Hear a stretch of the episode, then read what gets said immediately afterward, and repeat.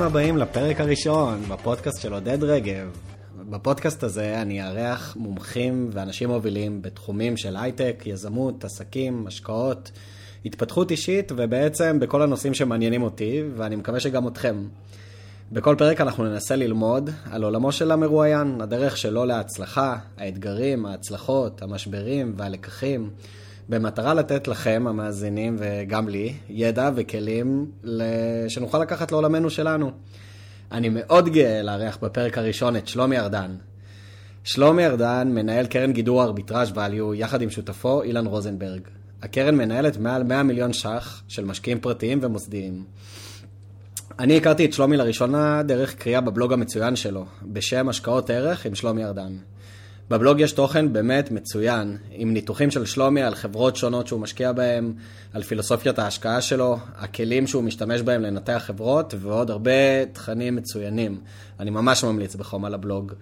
אה, למען גילוי נאות, כיום אני משקיע פעיל בקרן של שלומי ואילן.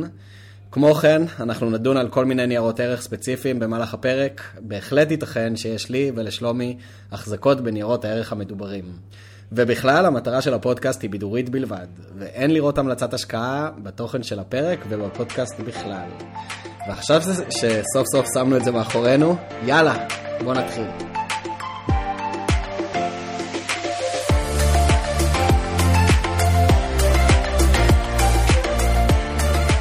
אוקיי, מצוין, אז נראה לי שאנחנו במקום טוב.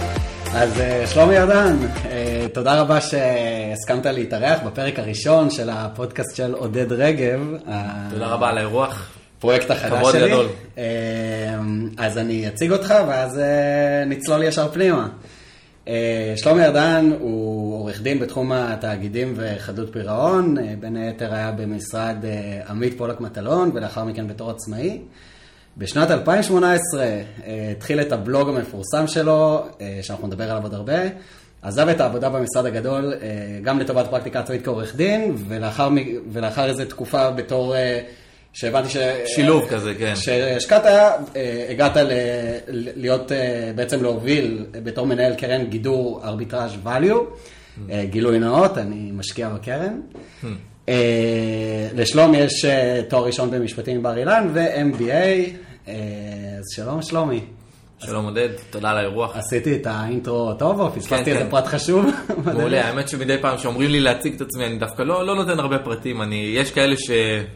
גם בחברות שאתה משקיע בהן, שאתה רק, רק אומר שלום למנכ"ל, ישר הוא שולח לך את כל הקורות חיים שלו, כן, איפה הוא היה, וזה האמת שלדעתי זה פחות מעניין, אני יותר אוהב לראות מה, מה אנשים עושים עכשיו ואיך הם חושבים, וזה פחות בקורות חיים. מעולה, מעולה. אוקיי, אז uh, שלומי ארדן הוא באמת uh, משקיע מהבולטים שיש בארץ, גם מהבחינה שהוא חולק את, ה, אתה חולק את הרעיונות שלך כן, בבלוג בסדר. מצוין מצוין, שלדעתי אתה עושה שילוב ממש טוב, שגם יש שם המלצות קונקרטיות על חברות שבאמת ספציפיות מעניינות אותך, כן. שלדעתי זו התפתחות יפה שיש ב... לא יודע להגיד, שלוש-ארבע שנים האחרונות, שעד אז תמיד היה פוסטים בכלכליסט ודה מרקר, שתמיד הייתה שם איזה...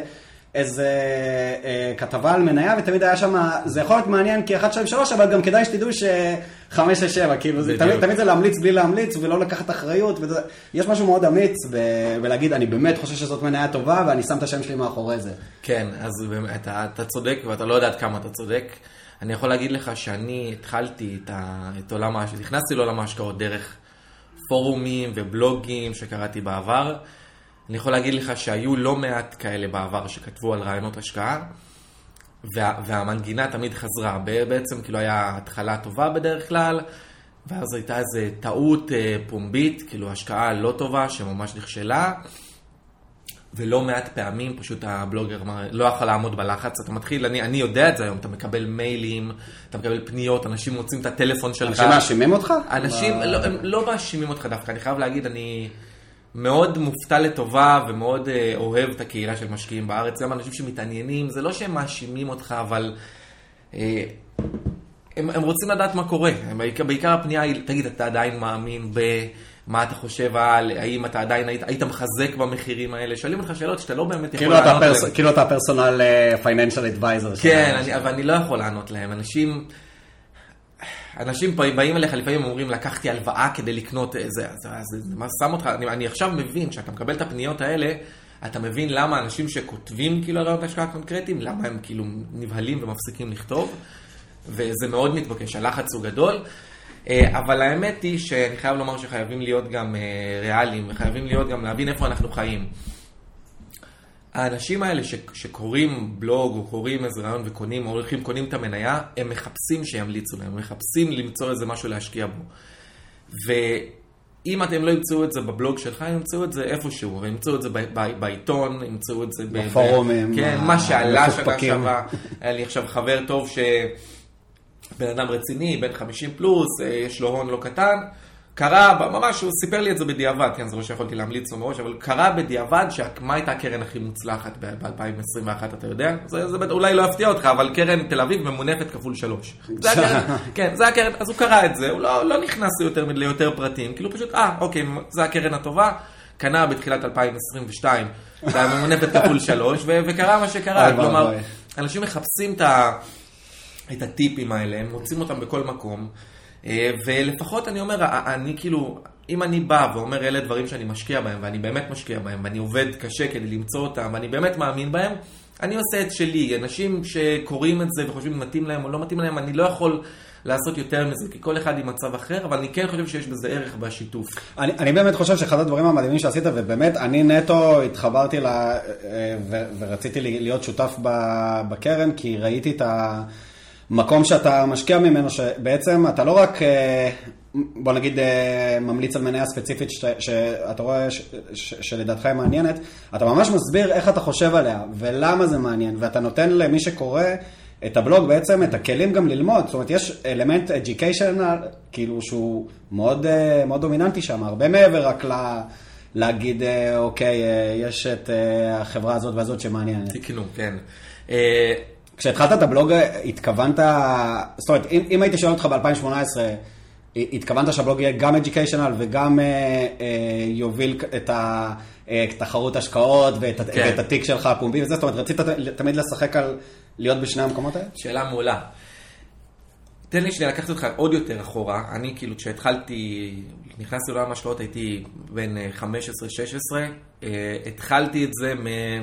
דברים שבדיעבד נראים לי שטותיים, כן? אתה יודע, להסתכל על, על גרפים וכאלה, דברים כאלה, אבל די מהר הלכתי לעולם של אה, לנתח דוחות ולנתח את החברות, בעקבות בלוגים, בעקבות אה, פורומים, והפורומים בעיקר תרמו לי, בחלק מהדברים שתרמו לזה, המלצות על ספרים שצריך לקרוא, אה, בנג'מין גרם, העולמות האלה של המשקיע הנבון. קריאה מאוד מאוד קשה, אני חושב שיש שם כן. עמודים שאתה נתקע עליהם אה, לשעות רבות. באנגלית כמובן. אה, ומשם אה, התחלתי, נכנסתי לעולם הזה, קראתי דוחות, אבל בעיקר בגלל שהקריאה שלי הייתה באנגלית, נמשכתי, בעיקר עשיתי את זה כאילו באנגלית. כלומר, בעיקר קראתי אה, חומרים באנגלית, דוחות באנגלית, אתה מגיע לניתוחים באנגלית, כלומר, מביאים לך חומר שהוא לפעמים די לעוס, ואתה מתישהו פשוט שמתי לב, אתה קורא רעיון השקעה של מישהו שהוא כותב בפורום, הוא נראה לך מושלם, זו חוויה אגב, ש, שאני בטוח שמי שמתעסק בעולם הזה מזדהה איתה. הכל נראה, שולחים לך איזה PDF, חמישה עמודים, למה להשקיע ב-X, כאילו זו חברה, יכול להיות שגם לא שמעת את השם שלה לפני כן, הכל נראה פרפקט, אה, וככה, והסיכוני downside, אה, אולי תרד 5% או ככה.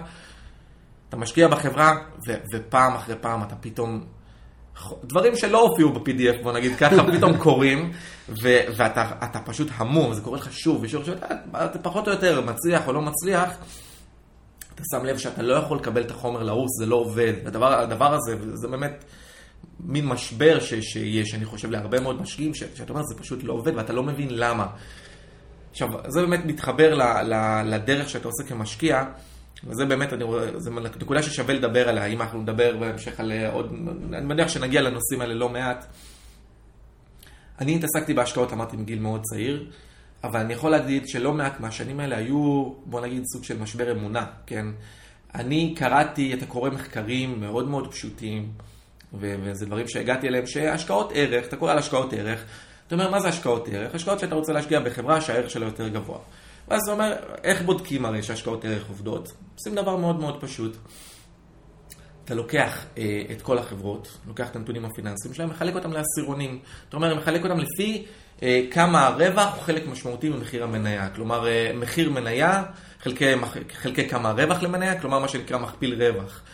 אתה אומר, אוקיי, יש כאלה שבחמש, יש כאלה שבחמישים, בוא נחלק את כל החברות לפי הקריטריון הזה, ונראה מה הביצועים שלהם בשנים הבאות. כן, אתה עושה את זה, כאילו, אתה לא עושה את זה קדימה, אתה עושה את זה ב data mining, אתה עושה את זה במבט אחורה כמובן, כי יש לך את הנתונים האלה. וכשאתה עושה את הבדיקה הזאת, אתה אומר, אוקיי, אני רואה שהנת... שהחברות בעלות מכפיל הרווח הכי אה, נמוך, עושות אה, ככה וככה אחוזים יותר מהחברות עם המכפיל הגבוה בממוצע לעשר שנים. ומכפיל אה, שווי מניה חלקי שווי בספרים, כלומר כמה הון עצמי יש לכל מניה, אתה מחלק מהנמוך לגבוה, עוד פעם אתה רואה שהחברות הכי זולות מכות את החברות הכי יקרות. אתה עושה את זה שוב ושוב ושוב. ואני חושב שה, שהדבר הראשון, כאילו, שהיה לי, ירד לי, כאילו, המחשבה הראשונה שהייתה לי הייתה, אוקיי, אני לא צריך להיות גאון גדול. אני, אני, אני, אני מתלבט, נגיד, להשקיע במדדים. אני יכול, במקום להשקיע במדדים, לבחור מניות שעומדות בקריטריונים האלה, שיש להם מכפיל רווח נמוך, מכפיל הון בספרים נמוך, ואתה יודע, יכול להיות שאני לא אכה את המדד, הוא יעשה תוצאות לא מדהימות, אבל עצם זה שאתה בוחר משהו מתוך קבוצה שאמורה להיות יותר טובה מהמדד, אפילו אם תבחר לא הרבה מניות, אם אתה הולך על סטטיסטיקה, זה אמור להיות, אמור לעבוד. רק, כן? רק תשים אותנו על ציר הזמן, הגילוי הזה אנחנו בשלב מוקדם. גיל... אנחנו בשלב מוקדם, גיל 18, 19, 20, זה היה כאילו, כבר ניהלתי, התחלתי לנהל כסף של המשפחה בגיל מאוד מאוד מוקדם. וגם, ובגיל הזה כבר אתה ראית שיש אה, פוטנציאל לעשות יותר טוב מהמדע. זאת הייתה המטרה שלי, זאת הייתה המטרה שלי מההתחלה. ואיך הגילוי הזה, זאת אומרת, ובאמת מה היה בתוצאות? איך הוא התגלגל, כן. אז התוצאות היו... אמ, אנחנו מדברים על המדינת ישראל בלבד, או אז... לא, לא, לא, ממש לא. הרוב היה גלובלי דווקא בשלב הזה, כן. אה, הדבר הזה עבד הרבה פחות טוב ממה שחשבתי. ההפתעה הכי גדולה שהייתה כמה פעמים הייתי נתקל בנפילות, כלומר נפילות דרמטיות שחברות היו, אתה יודע, אפילו קרה לי פעם פעם שחברה נמחקת, כאילו, ואתה לא מבין איך זה קורה. עכשיו, למה זה קורה? בדיעבד קל לי מאוד להבין. כשאתה מסתכל על, על אה, חברות שהן במכפילים, החברות שאתה, הרי אם אתה כמשקיע אקטיבי מחפש להשקיע, לבחור חברות ספציפיות, ואתה אומר, אני רוצה חברות עם מכפיל רווח נמוך. כן, אני, אני, זה מה שאומר לך בראש. קראתי את המחקרים, קראתי את הזה, אתה לא תבחר את העשירון עם הכי נמוך, אתה תבחר את המניות, ה top 0.1 אחוז, שהן המניות כאילו עם המכפיל הכי נמוך, עם השווי בספרים הכי גבוה ודברים כאלה. כשאתה בוחר אותה, את המניות בצורה כזאת, אתה, יש מה שנקרא adverse selection, כאילו אתה בוחר בכוונת הדברים הכי גרועים. למה הדברים הכי גרועים? כי הסיבה שהמניות האלה נסחרות ככה, אם היית אומר על העשירון הכי גבוה, יכול להיות שיש להם משהו דפוק, אם אתה הולך על ה-0.1% הכי זולות, אתה תהיה, ב... סיבה. תהיה בטוח שיש משהו דפוק. יש כאילו כמעט בוודאות, יש משהו בעייתי מאוד בחברה, ולפעמים אתה לא תמצא את זה. לפעמים אתה לא תמצא את זה בסריקה ראשונית. ואני חושב שזה חלק מהדברים, למשל אני אתן לך דוגמה ככה מהאקטואלית יחסית, כאילו מאותה תקופה. הייתה חברה, יש חברה, כן, היא עדיין קיימת, אבל היה ספק אם היא תהיה קיימת במשך תקופה ארוכה, קוראים לה Enterprise Inns. זו חברה שיש לה אה, פאבים בבריטניה. אה, מה שבולט בה היה שאם אתה עושה סקרינרים על, על המכפילים שדיברנו עליהם, אתה, היא תקפוץ לך כמעט בכל הסקרינר. זאת הייתה חברה שנסחרה ב-0.1 על הנכסים שלה. כלומר, היא נסחרה ב-10% מהנכסי הנדל"ן שלה. רווחית או הפסדית? בבריטניה. אז זהו, שהיא הייתה רווחית ועברה להפסדיות, וזו הייתה תקופה, היא כאילו עברה למעלה למטה, זו הייתה תקופה כאילו משנה לשנה. וזאת חברה שאתה קורא עליה, מאוד מאוד מאוד קל להתאהב בה, מאוד קל להתאהב בה. אתה אומר, היא נסחרת בנדל"ן, אתה יודע, אנחנו ישראלים, בשבילנו נדל"ן זה דבר קדוש. ואתה קורא את הדוחות ואתה אומר, אוקיי, כאילו נראה, נראה השקעה no brainer, כן, אתה יודע, ואפילו, אתה יודע, ימכרו חלק מהנכסים, יעשו ככה, יחזירו טיפה חובות, יש להם לא מעט חוב, כן? ואתה אומר, אוקיי, זו השקעה מאוד פשוטה, והיו הרבה משקיעים ישראלים שנכנסו אליה. אלא שהדברים שאתה, שאתה רואה מכאן, אתה, זה לא הדברים שאתה רואה משם. מה היה? וש... מה היה... ושם, אני אגיד לך, זה היה, היה תופעה של... וזה כל, אני לא יודע, אם אתה תשאל בן אדם בריטי, אני מניח שהוא היה כל בן אדם מהציבור, זה באמת התובנה הגדולה שאתה, שהגעתי אליה מאוחר מדי או מאוחר יותר. הכל יחסית. הכל יחסי, כן, הלוואי שהייתי קולט אותה קודם, זה שאתה בתור בריטי היית רואה דברים אחר, אחרת. מה היית רואה? היית רואה שאנשים כבר לא הולכים לפאבים, יש מיסוי הולך וגדל מוטרף. אנחנו מדברים על איזה שנה? אני חושב שזה היה 2012, זה היה כאילו יחסית... אה, הבריטים לא הולכים לפאבים ב-2012? זה דועך משנה לשנה. המחירים של אה, פיינט, מה שנקרא בפאב, הוא פי, יכול להיות פי חמישה מלקנות בקבוק במכולת, ומשום מה, הרגע המחוקק, באמת, לך תדע למה, האינטרסים פנימיים שלהם, וזה מאוד מאוד קשה לשפוט מישראל כן. לבריטניה. פשוט לא, לא מעניין אותם, לא מפריע להם שהבקבוקים הם עושים ככה וה, והפאבים הם עושים אחרת, והם רק העלו את המיסוי על הפאבים. זה השפיע דרמטית על מכירות, השפיע דרמטית על הרווחיות. הנכסים, אתה יודע, בתקופה קצרה, אתה לא יכול באמת לגלגל אותם, למכור אותם בתקופה קצרה, והחברה הופכת להיות הפסדית ויותר הפסדית. בשלב מסוים המניה ירדה ב-80 אחוז, אני מדבר על מניה שהתחילה כהכי זולה שאתה רואה ב screener, אתה רואה, ירדה ב-80 אחוז. מה שנקרא, תמיד יש נמוך יותר. כן, ונדל"ן וכאלה, ופתאום החוב, אתה, כי מה קורה בעצם? החוב, היה חוב לא, כאילו לא קטן, נגיד מיליארד, הנכסים היו שווים בערך מיליארד פאונד, החוב היה בערך 2 מיליארד פאונד, או מיליארד וחצי פאונד, והחברה נסחרת ב-100-200 מיליון פאונד. אתה מבין גם למה זה מושך, כן? כי יש לך מינוף מאוד יפה, כאילו אם זה טיפה עולה וטיפה משתפר, זה, זה פי עשרה כן. די, די ברור, אבל טיפה התזרים אה, הולך אחורה. הרגולטור הולך נגדך, ואתה מבין שזה הגיע לרמה שאני כתבתי מכתבים, כתבתי כאילו מיילים לכל מיני נציגי ציבור על כל מיני יוזמות שהיו להם להחמיר את הרגולציה על פאבים כאלה, ממש הייתי עמוק עמוק עמוק בהשקעה הזאת, אבל כמובן שהיכולת השפעה שלך ככה היא מאוד מאוד קטנה. ופתאום החוב נהיה מכביד, כשהחוב נהיה מכביד, לא כל כך מעניין כמה נכסים שווים, כי יהיה לך פייר סייל, וטיפה אתה מוכר אותם מתחת לשווי שלהם, פתאום כל ההון העצמי נמחק. ופתאום הדבר הזה הפך להיות ממשהו שנראה קל ומכפיל נמוך ומה כבר יקרה, למשהו להשקעה שהיא מאוד מאוד אה, בעייתית וקשה וקשה לישון בלילה איתה, כן? זה היה באמת השקעה בעייתית מאוד בדיעבד. היום בסוף היא התאוששה חלקית, זה אבל לא, היא לא הייתה השקעה טובה, היא לא הייתה השקעה טובה עד היום. זה, זה מחבר אותי למשהו שרציתי גם לשאול אותך. אה, כל העניין הזה שבתור משקיע אה, self doubts, כלומר, כן. כל, כל מי שמשקיע בצורה אקטיבית כמובן חווה הפסדים. כן. אז יש לי בעצם שתי שאלות. אחד, האם אה, באמת בנקודות כאלה, בייחוד שהיית יותר צעיר, אה, היה לך שאלות, ספקות עצמיים כאלה של אולי אני, אולי אני באמת לא, לא אצליח לנצח את המדדים ובאמת S&P 500 זה מה שנכון עבורי? Mm. זאת שאלה אחת. והשאלה השנייה, בגלל שאני יודע שהיום אתה כבר אה, באמת מנהל אקטיבית, אז obviously אנחנו יודעים okay. כן. שאתה, שאתה זה. אבל הייתה נקודה ספציפית, או אירוע ספציפי שקרה, ו, וזה נתן לך את ה stamp, את הביטחון העצמי, שאתה אומר, אני יודע שאני יכול לעשות את זה, גם אם אני אעשה טעויות לאורך הדרך וזה, אבל אבל האם היה איזה, איזה, או אולי זה מתובנה, אולי זה מאיזה השקעה, שמאותו רגע קיבלת את הביטחון ש, שאתה מאמין בדרך ואתה... זאת שאלה מאוד מאוד אה, נכונה. Uh, אני לא יודע לגבי משקיעים אחרים, אני חושב שאם אתה קורא טוויטר לצורך העניין, אתה לא תחווה את זה, אתה לא תראה את ה self doubts האלה, אבל אני יכול להגיד לך שעברתי את זה כמה, כמה פעמים באמת, אני גם מגיע מבית דתי, כן? אז אני יכול להגיד לך שזה משבר אמונה, זה משהו ש, שאני מכיר, אבל זה די דומה.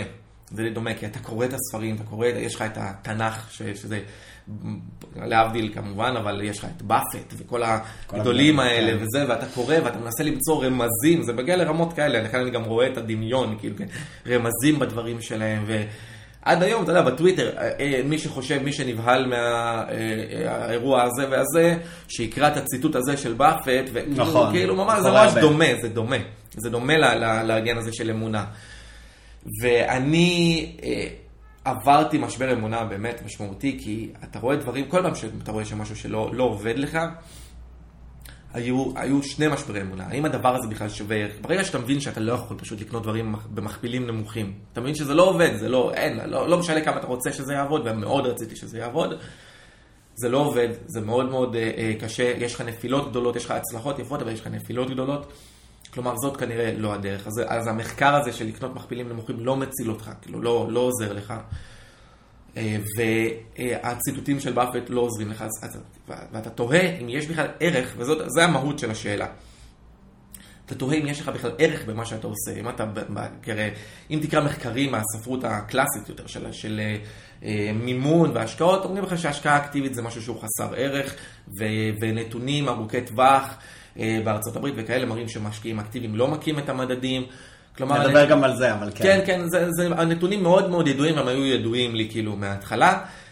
אתה יכול להגדיר את התקופה הזאת בין נגיד 2010 וכמה שנים קדימה, היה לחפש את המקום הזה שבו, האם, האם בכלל יש, האדם מחפש משמעות כזה, אתה מבין? אתה צריך למצוא, האם יש מקום כזה שבו אתה כמשקיע יכול להוסיף ערך. ואנחנו נגיע באמת לכל, ה, לכל המסע הזה, אני בטוח, כי זה באמת העיקר שאני רואה של השנים האחרונות שלי. אבל זה לשם, לשם כיוונתי את עצמי. אמרתי, אוקיי, איפה אני יכול להיות במקום שבו אני יודע או מרגיש מאוד שאני מוסיף ערך. עכשיו כאן, הלכתי, חשבתי, אוקיי, איפה יכולות להיות כאלה פינות? אמרתי, אוקיי, החוסר יעילות הזאת לא הולכת להיות במניות הגדולות, זה לא, כנראה לא הולך להיות בווילס פארגו, בנק אוף אמריקה, חברות כאלה. קח אותי עוד פעם על ציר הזמן, באיזה גיל ה... זה, זה, זה אתה אומר, זה, זה תהליך. זה די רציף, כן, זה די רציף מ-2007-2008 עד 2015, 16 זה תהליך, כאילו, כל התקופה הזאת ניהלתי כסף, כל התקופה הזאת השקעתי. אם אתה תראה את זה בדיעבד, אתה תראה שהיה מעבר הולך וגדל לכיוון ישראל, אבל לא היה את, ה, את ההבנה הזאת המשמעותית, היה כאילו מין ניסיונות כאלה. בשלב הזה, פחות או יותר ב-2010-2011, אמרתי לעצמי, אוקיי, אני צריך כאילו לקוות, עכשיו אתה כבר אה, לקראת אה, סיום שירות צבאי. אמרתי, אני צריך למצוא מקום שבו זה יתחבר לי, אולי מקום שיעזור לי למצוא את, ה, את ההבנה הזאת. וכאן כמובן הדרך המתבקשת היא ללכת ללמוד כלכלה, ללכת ללמוד חשבונאות, דברים כאלה. זה אגב דברים ש... איך שהתחלתי, אגב, גם בשירות הצבאי הייתי מגיע לכל שבוע, הייתי מגיע עם סטפה של דפים, לחקור אותם חשבונאות, אה, אה, אה, ספרים, זה הייתי קונה כמובן המון מאוד ספרים, כדי ללמוד כמה שיותר, הייתי, היה לי ידע חשבונאי לא רע כבר בשלב מאוד מוקדם, וכל מלימוד עצמי. אז אמרתי לעצמי, מה אני, מה אני הולך ללמוד כדי שיעזור לי למצוא את הנקודות האלה שבהן אני אתן ערך מוסף. המחשבה הראשונה שלי הייתה, כמובן שעשיתי שיחות עם בוגרי כלכלה, בוגרי חשבונאות, ראיתי שגם בשנה הרביעית הידע שלהם הוא לא, לא עוזר לי, לא מחדש לי, כלומר, ניהלתי איתם שיחות על השקעות ועל מניות, והם לא... ראיתי, אמרתי, אם, אם אנשים שמסיימים את התואר, אין להם את הידע הזה, אז מה, מה, אני, מה אני יכול לעשות? כלומר, זה כנראה לא יחדש לי כלום, ואני יודע בדיעבד גם ש, שדי צדקתי בעניין הזה. היה לי בוא נגיד שכבר בהתחלה של הלימודים היה לי, אה, קמתי במועדון השקעות כזה קטן, שהייתי מדבר על השקעות, הייתי זה. היו, היו מגיעים לשם אה, שנה רביעית חשבונאות, שנה רביעית בכלכלה, היו מגיעים, והידע שלהם היה כאילו, בוא נגיד, לא אמרתי להם את זה כמובן, אבל הידע שלהם היה נמוך, כלומר בכל מה שקשור להשקעות. אז אני רציתי למצוא משהו שהוא שונה, שייתן לי טיפה ערך מוסף, ומכיוון שאני גם מגיע מבית אה, אה, כזה, כלומר אמא שלי שופטת, אבא שלי עורך דין, אה, מכיוון שאני מגיע מבית כזה, אז הבחירה במשפטים הייתה, כאילו זה משהו שאני מכיר אותו, נחשפתי אליו. ומה שחשבתי בהתחלה היה ללכת לעולם של הסדרי חוב. זה היה בתקופה שזה היה די חם, אתה יודע, אחרי 2008.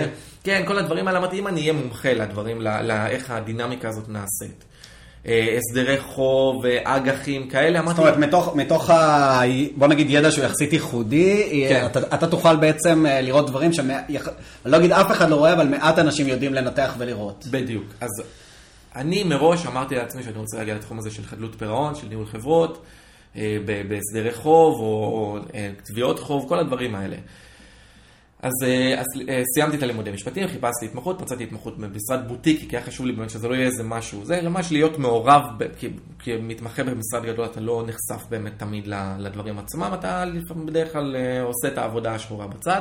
אמרתי, אתה עדיין עושה את העבודה השחורה גם במשרד בוטיקי, אבל לפחות אתה בחדר, אתה כותב כן. את הפרוטוקול, אתה עושה דברים. אז הלכתי למקומות האלה, כמה שיותר קורסים בתחום של תאגידים, כל הדברים האלה, חדלות פירעון. הגעתי לתחום הזה, התחלתי להתעסק בו, ומהר מאוד הבנתי שיש לי כאן קצת בעיה, כי ה... וזה משהו שעד עכשיו, זה מאוד הפתיע אותי, וכנראה שלא לא מספיק אה, בחנתי אותו לעומק. יש המון המון המון התעניינות בעולם של האג"חים בישראל. המון התעניינות, כלומר... מצד פרטיים או, או מצד אה, מוסדים? כולם, כולם. זה, זה, זה הנושא החם, העיתונות אוהבת אותו, משקיעים פרטיים אוהבים אותו. האנקדוטה ששווה לתת זה שאני בעצמי ארגנתי כנסי בעלי חוב, אתה צריך כאילו להעביר הסדרי חוב, צריך לעשות כנסים ואתה מסביר להם ואתה עולה ואתה מדבר איתם ואומר להם למה ההסדר הזה הוא טוב. כשאתה עושה כנסים כאלה לבעלי אג"ח, זה ממש מאמץ למצוא אולם שהוא מספיק גדול, ממש מאמץ, כלומר, זה מאות אנשים, מאות אנשים, זה, זה אופרציה שלמה, זה, זה אה, החדר אירועים, הקומה שלמה בשרתון, ואתה מכניס, והאולם אירועים, ומיקרופונים, ובלאגן שלם, כיבוד, עניינים כאלה. כשאתה עושה אספת בעלי מניות, לעומת זאת, זה גם בבורס, גם בחברות היום, כל חברה, כך כל חברה שעושה אספת בעלי מניות, הרי יש לך זכות כמשקיע לבוא ולהגיע, כן. להגיע, אתה כמעט תמיד, אני, אני לא, לא מכיר משהו אחר, אתה תהיה לבד, אתה תהיה אתה והמנכ"ל. כן, אני חושב שכתבת את זה באיזה פוסט בבלוג, שאתה מוצא את עצמך עם המנכ"ל יושב כן. על איזה בורקס. זה פעם, ראשונה קרה לי בגיל 18, לכן כבר ידעתי, זה ידע שכבר היה לי, כאילו, כן, שידעתי שאין התעניינות בדברים האלה, ושוק המניות, בעיקר בחברות קטנות, הוא, דליל מאוד. אבל מה כל כך מעניין בחוב? הרי בבסט, בוא נגיד את זה ככה, אם אתה מסתכל היום על האג"חים בישראל המדורגים, אתה מקבל עליהם... אה, בין חצי אחוז לאחוז, ו- כן. ו- ויש לך כמה high flyers כאלה עם בניינים בניו יורק ש- שאף אחד לא יודע בכלל איפה הם נמצאים, וזה כן. 7-8 אחוז, אז מה, מה כל כך מעניין בזה? תקשיב, זה, זה בדיוק הסיבה ש, שזה כל כך הפתיע אותי. כלומר, אני חושב שהשאלה אגב דומה לנדל"ן, כן? אני, בוא נגיד, זה עניין של תרבות אולי, זה פשוט מאוד אוהבים... כאילו זה, זה השקעה בטוחה בצורה נמוכה? אולי, אולי, אולי. אתה משווה את זה לבנק אולי? תראה, יש לי, יש לי ניחושים שאני יכול uh, לתת כאן. Uh, העולם הזה של האג"חים, בעיקר בתקופה ההיא, היה מאוד קשור לכל מיני, למה שאתה קורא בעיתון, להסדרי חוב. אתה מקורב, אם אתה עובד בגוף מוסדי, אתה מקורב לאנשים האלה, ופתאום כל מיני מיליארדרים. אתה מתחננים אליך או, או מאוד נחמדים אליך בתור איזה ילד שעובד כאנליסט באיזה בית השקעות. יש לך שליטה בהרבה מאוד מיליארדים, זה מה, מהעניין של הגדולים. כן. למה משקיעים פרטיים מתעניינים בתחום הזה כל כך? למה התעניינות כל כך גדולה בהשוואה לשוק המניות? קשה לומר. אולי באמת איזו תפיסה שזה סולידי או משהו כזה, אבל אני לא, אני, בוא נגיד, בתור מישהו שהוא יותר uh, מספרי, אנליטי, לפחות ככה אני רואה את עצמי, מבחינת upside, downside, אני לא, זה לא מושך אותי, באופן אישי, זה, אני, העולם של האג"חים אף פעם לא, לא נראה אטרקטיבי בעיניי, כי באמת יש לך רווח שהוא כתום, כלומר אתה לא יכול להרוויח יותר מאחוז מסוים, אבל אתה יכול להפסיד הכל. נכון. אולי אנשים נמשכים לזה, העניין הזה אולי שאני באמת מנחש כאן, אולי העניין הזה שיש לך כאילו הבטחה לזה שיחזירו לך את הכסף, וגם אם זה יורד אתה אומר לעצמך, טוב, כל עוד הוא ישלם זה יהיה בסדר, אבל אם יש לך תיק של אג"חים, ברור שאתה חלק מהם תיפול, ברור שחלק מהם תרוויח, תהיה לך ממוצע, אתה תרוויח, אתה, יהיה לך רווח כנראה, אבל הוא לא, יהיה, הוא לא הרווח שאתה יכול להגיע אליו אה, בהשקעות במניות. אם אנחנו כבר דיברנו על ציטוטים של באפט, יש אה, ציטוט שלו שבאמת הנחה אותי, אגב, באמת, אה, לא מעט שנים ש, שראיתי אותו, וזה, אני לא יודע, הוא אמר את זה, זה אגב מאוד העסיק אותי, אם הוא אמר את זה כלאחר יד, הוא באמת התכוון לזה, אבל יש ציטוט מאוד מוכר שלו, שהוא אמר שאם הוא היה מנהל סכומים של מיליונים בודדים, הוא היה משקיע בצורה אחרת לגמרי, היה משקיע כאילו ב, במניות קטנות, והיה זה ככה, והוא היה, הוא אמר, אני יודע, כאילו, הגרנטית, כאילו, שאני יכול להגיע לתשואה של מעל 50% בשנה, כאילו, הוא אמר, כאילו, ממש בצורה מאוד בטוחה, ובאפט ידוע באמירות שהן יחסית שמרניות, לכו על מדדים וכאלה, ופתאום הוא אמר כזה משפט, זה משפט שאני... לקחתי אותו... רשמת מה שנקרא. רשמתי בשלב מאוד מאוד מוקדם, זה היה משפט שבאמת הנחה אותי במשך הרבה שנים, הוא אמר כאילו, שאם היה מנהל סכום כסף קטן יחסית, הוא היה, הוא היה מגיע לתשואה שהיא מאוד מאוד גבוהה. כלומר, אני ידעתי, גם בשלב הזה, שה... שלפי האמירה הזאת שהנחתה אותי, כלומר, אתה לא צריך לחפש את עצמך במקומות שיש בהם הרבה אנשים או הרבה כסף, אה, חברות מאוד גדולות, אלא יותר בפינות האלה. זה הנחה אותי לכיוון הזה של ההסדרי חוב, שם הבנתי שזה לא הולך לקרות, כי זה פשוט היה התעניינות מטורפת. היית מקבל טלפונים, הייתי מקבל טלפונים בתור מתמחה מכל מיני מתעניינים כאלה, הבנתי שזה מאוד מאוד רווי. אבל תוך כדי גם, כי זה הכל קשור, היה לנו גם הסדרי חוב של חברות ציבוריות, אה, התעסקתי בעולם הזה והבנתי שדווקא במניות, במניות הקטנות במיוחד, אין התעניינות. כלומר, כשהיינו מוכרים פעילויות או שהיינו מוכרים שלדים, זה תמיד היה שם אחד או שניים שרלוונטיים. להצבעות היה מגיע איזה אחד או שניים. ואז כן. מה, ואז החלטת, ואז מתוך המקום הזה אמרת, אני אלך ואני אחקור את המניות הקטנות, כי, כן. כי אני מרגיש שפחות, כן. זה, זה בריכה שפחות אנשים אה, שוחים בה. כן, הרגשתי שזה שוק שהוא מאוד מאוד מאוד דליל. עכשיו, אני כמובן מדי פעם הייתי מוצא כאילו זה, אבל הייתי, אמרתי, השקעתי גם בארצות הברית וגם בישראל. וגם בלונדון, כל מיני חובק עולם, זה גם תחושה אגב, כזה, אתה, אתה אומר, אני חובק עולם, אני פה ואני שם, זה נותן לך כאילו, אתה אומר, בתור ילד, מסתכל במחשב במדדים 24/7, תמיד כן, יש בורסה כן. שעובדת. מנהל את העולם, מה שנקרא, אבל דווקא הבנתי שבשלב מסוים, שזה בדיוק הפוך, וה- והערך שאתה מקבל מה, מה, מההשקעות העולמיות האלה הוא מאוד מאוד נמוך. אז אמרתי שאני רוצה ללכת למניות, ו- ובין השאר גם התחלתי יודע, תוך כדי העבודה עבדתי, גם אמרתי, כמתמחה בחדלות פירעון, אחר כך עבדתי כעורך דין במשרדים גדולים, ואתה נתקל בחברות ציבוריות לא מעט. אה, אתה מייעץ לחברות ציבוריות, תחום התאגידים, זה גם תחום שהתעסקתי בו, ליטיגציה, אתה פוגש אה, כל מיני מנכ"לים וכל מיני חברות, ואתה מתחיל להבין איך הדברים נראים, אתה מתחיל ליצור פה ושם אה, קשרים כאלה ואחרים, שהם מאוד מאוד עוזרים לך אחר כך, כי אתה... חלק גדול מההשקעה היום, כאילו זה, זה פשוט להגיע ל... להבין מה מעניין, בוא נגיד ככה, להבין מה מעניין. איך זה נראה? אתה, אתה קורא דוח, אוקיי? בארצות הברית, בלונדון, בכל דוח שאתה קורא, אתה, בוא נגיד, יושב עם מרקר, ואתה מסמן לך נקודות שיכולות להיות מעניינות.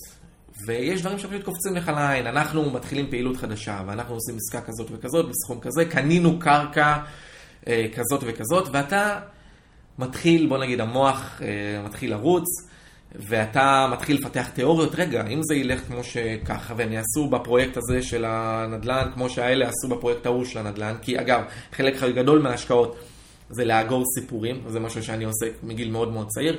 אתה ראית חברה בתחום הזאת, בתחום הזה, היא אמרה, אני יכולה לעשות א', ב', ג', בב' היא נכשלה, וזה לא הלך כמו שהם חושבים. אתה- אתה- זה מאוד מאוד חשוב. אתה העניין הזה כן. של הזמן, של הכמות סיפורים שאתה שומע ורואה אם הם מצליחים או לא, זה, זה משהו שהוא מאוד מאוד קריטי. כן. אז ברגע שאתה נחשף לדברים האלה, אה, אתה, אתה לאט לאט מבין, בוא נגיד, אתה יודע לנטרל בין מה שאומרים לך למה שאמור לקרות כאילו בפועל. ואתה צריך לאתר את הדברים שהם כן יכולים להצליח וכן יביאו חברות אחרות להצלחה מאוד מאוד גדולה. אתה קורא את הדוח, רואה, רואה מה מעניין, ואתה צריך לדעת אם זה באמת מעניין. עכשיו, אם אתה משקיע, וזה נתקלתי בזה לא מעט, אם אתה משקיע לצורך העניין ישראלי, או בלוגר ישראלי, שמשקיע בארצות הברית, אתה קורא, אתה רואה את הדברים המעניינים בדוח, אתה ממרקר אותם, חלק מהמקרים, אתה אומר, בואנה, זה נראה לי מסוג, אתה קורא קצת כתבות, קורא אונליין, קורא, אה, למשל, אתה רואה שיש להם פרויקט ב... בוא נגיד, אה, נלך לאיזה משהו קיצוני, יש להם פרויקט בביטקוין, אוקיי? משהו קשור לאיזה NFT, וניקח ככה דוגמה עכשווית, ואתה אומר, רגע, החברה הזאת והזאת הצליחה ב-NFT, והזאת הצליחה, ואתה מתחיל להביא, אתה מתחיל לאסוף לינקים, אני אומר לך, מאחורי הקלעים על איך נבנה פוסט, כן? אתה מתחיל לאסוף לינקים, הנה תראו איך הם הרוויחו מיליארד דולר, והם הרוויחו כאן, והם עשו ככה, וזה, כי... מתחיל לאסוף אותם, ואז אתה יכול כבר, בוא נגיד, אתה כבר די אפוי, אתה יכול, אתה יכול לכתוב פוסט לבלוג, מאוד מאוד יפה.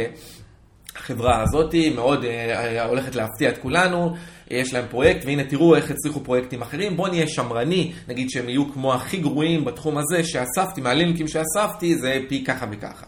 כן. ו- בתקופה הזאת שאמרת שהתחלת להסתכל על המניות הקטנות, שזו הבריכה. שיותר אה, נראית לך עם הזדמנות גדולה, יש איזה מניה ספציפית שאתה, שאתה זוכר מהתקופה נגיד הפעם הראשונה שבאמת הל- הלכת על איזה מוב של מניה שלא נסחרת בתל אביב 125, אה, יש איזה דוגמה ספציפית שאתה יכול להיזכר בה מהתקופה ההיא? רק אני רוצה להשלים רק את ה- אה, את. הנקודה הקודמת. לגבי. ה-NFT. לא, לא, זה בסדר, כן, היה לי הפוגה קטנה.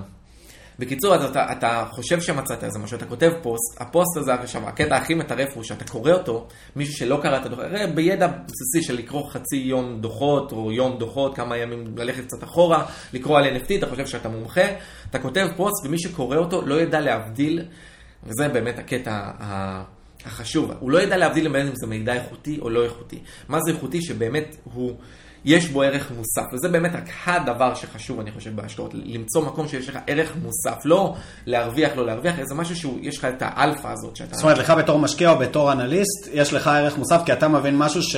שאתה יודע שחלק גדול מהאנשים שיקראו את מה שאתה קורא לא יבינו אותו ככה. אז אתה קורא את הדוח, כן, בדיוק. אתה קורא את הדוח, אתה, אתה חושב שמצאת איזה משהו, אתה כותב את זה, עכשיו, גם אחרי שכתבת את הפוסט, הסיכויים שלך להצליח הם 50-50, כי מאוד יכול להיות שמה שחשבת שהוא מעניין הוא לא מעניין. עכשיו, ברגע שאתה, וזה גם נגיע לזה בהמשך, יש לך קצת נגישות באמת לה- להנהלה קצת, ללכת לשאול אותם. בהתחלה, אגב, זה- איך הייתי עושה את זה? הייתי מגיע לאספות בעלי מניות. הייתי פשוט, כל, כל הזדמנות שהייתה לאספת בעלי מניות, הייתי שם, הייתי לוקח טרמפים, אוטובוסים, הייתי מגיע, כדי לשאול כמה שאלות באמת בסיסיות. אז עכשיו, אתן לך דוגמה, זו הייתה חברה, חברה שאני חושב עליה, אגב, שאני מדבר על זה, זו חברה, זה ברימאג דווקא, שהיה לה גם איזה פרויקט שהיה אמור להיות... ברימאג, איזה חברה זאת? חברה של אה, יבואנית מכשירי חשמל ישראלית, אה, וזה דווקא לא אני, הלכתי עם החבר בשם יואב.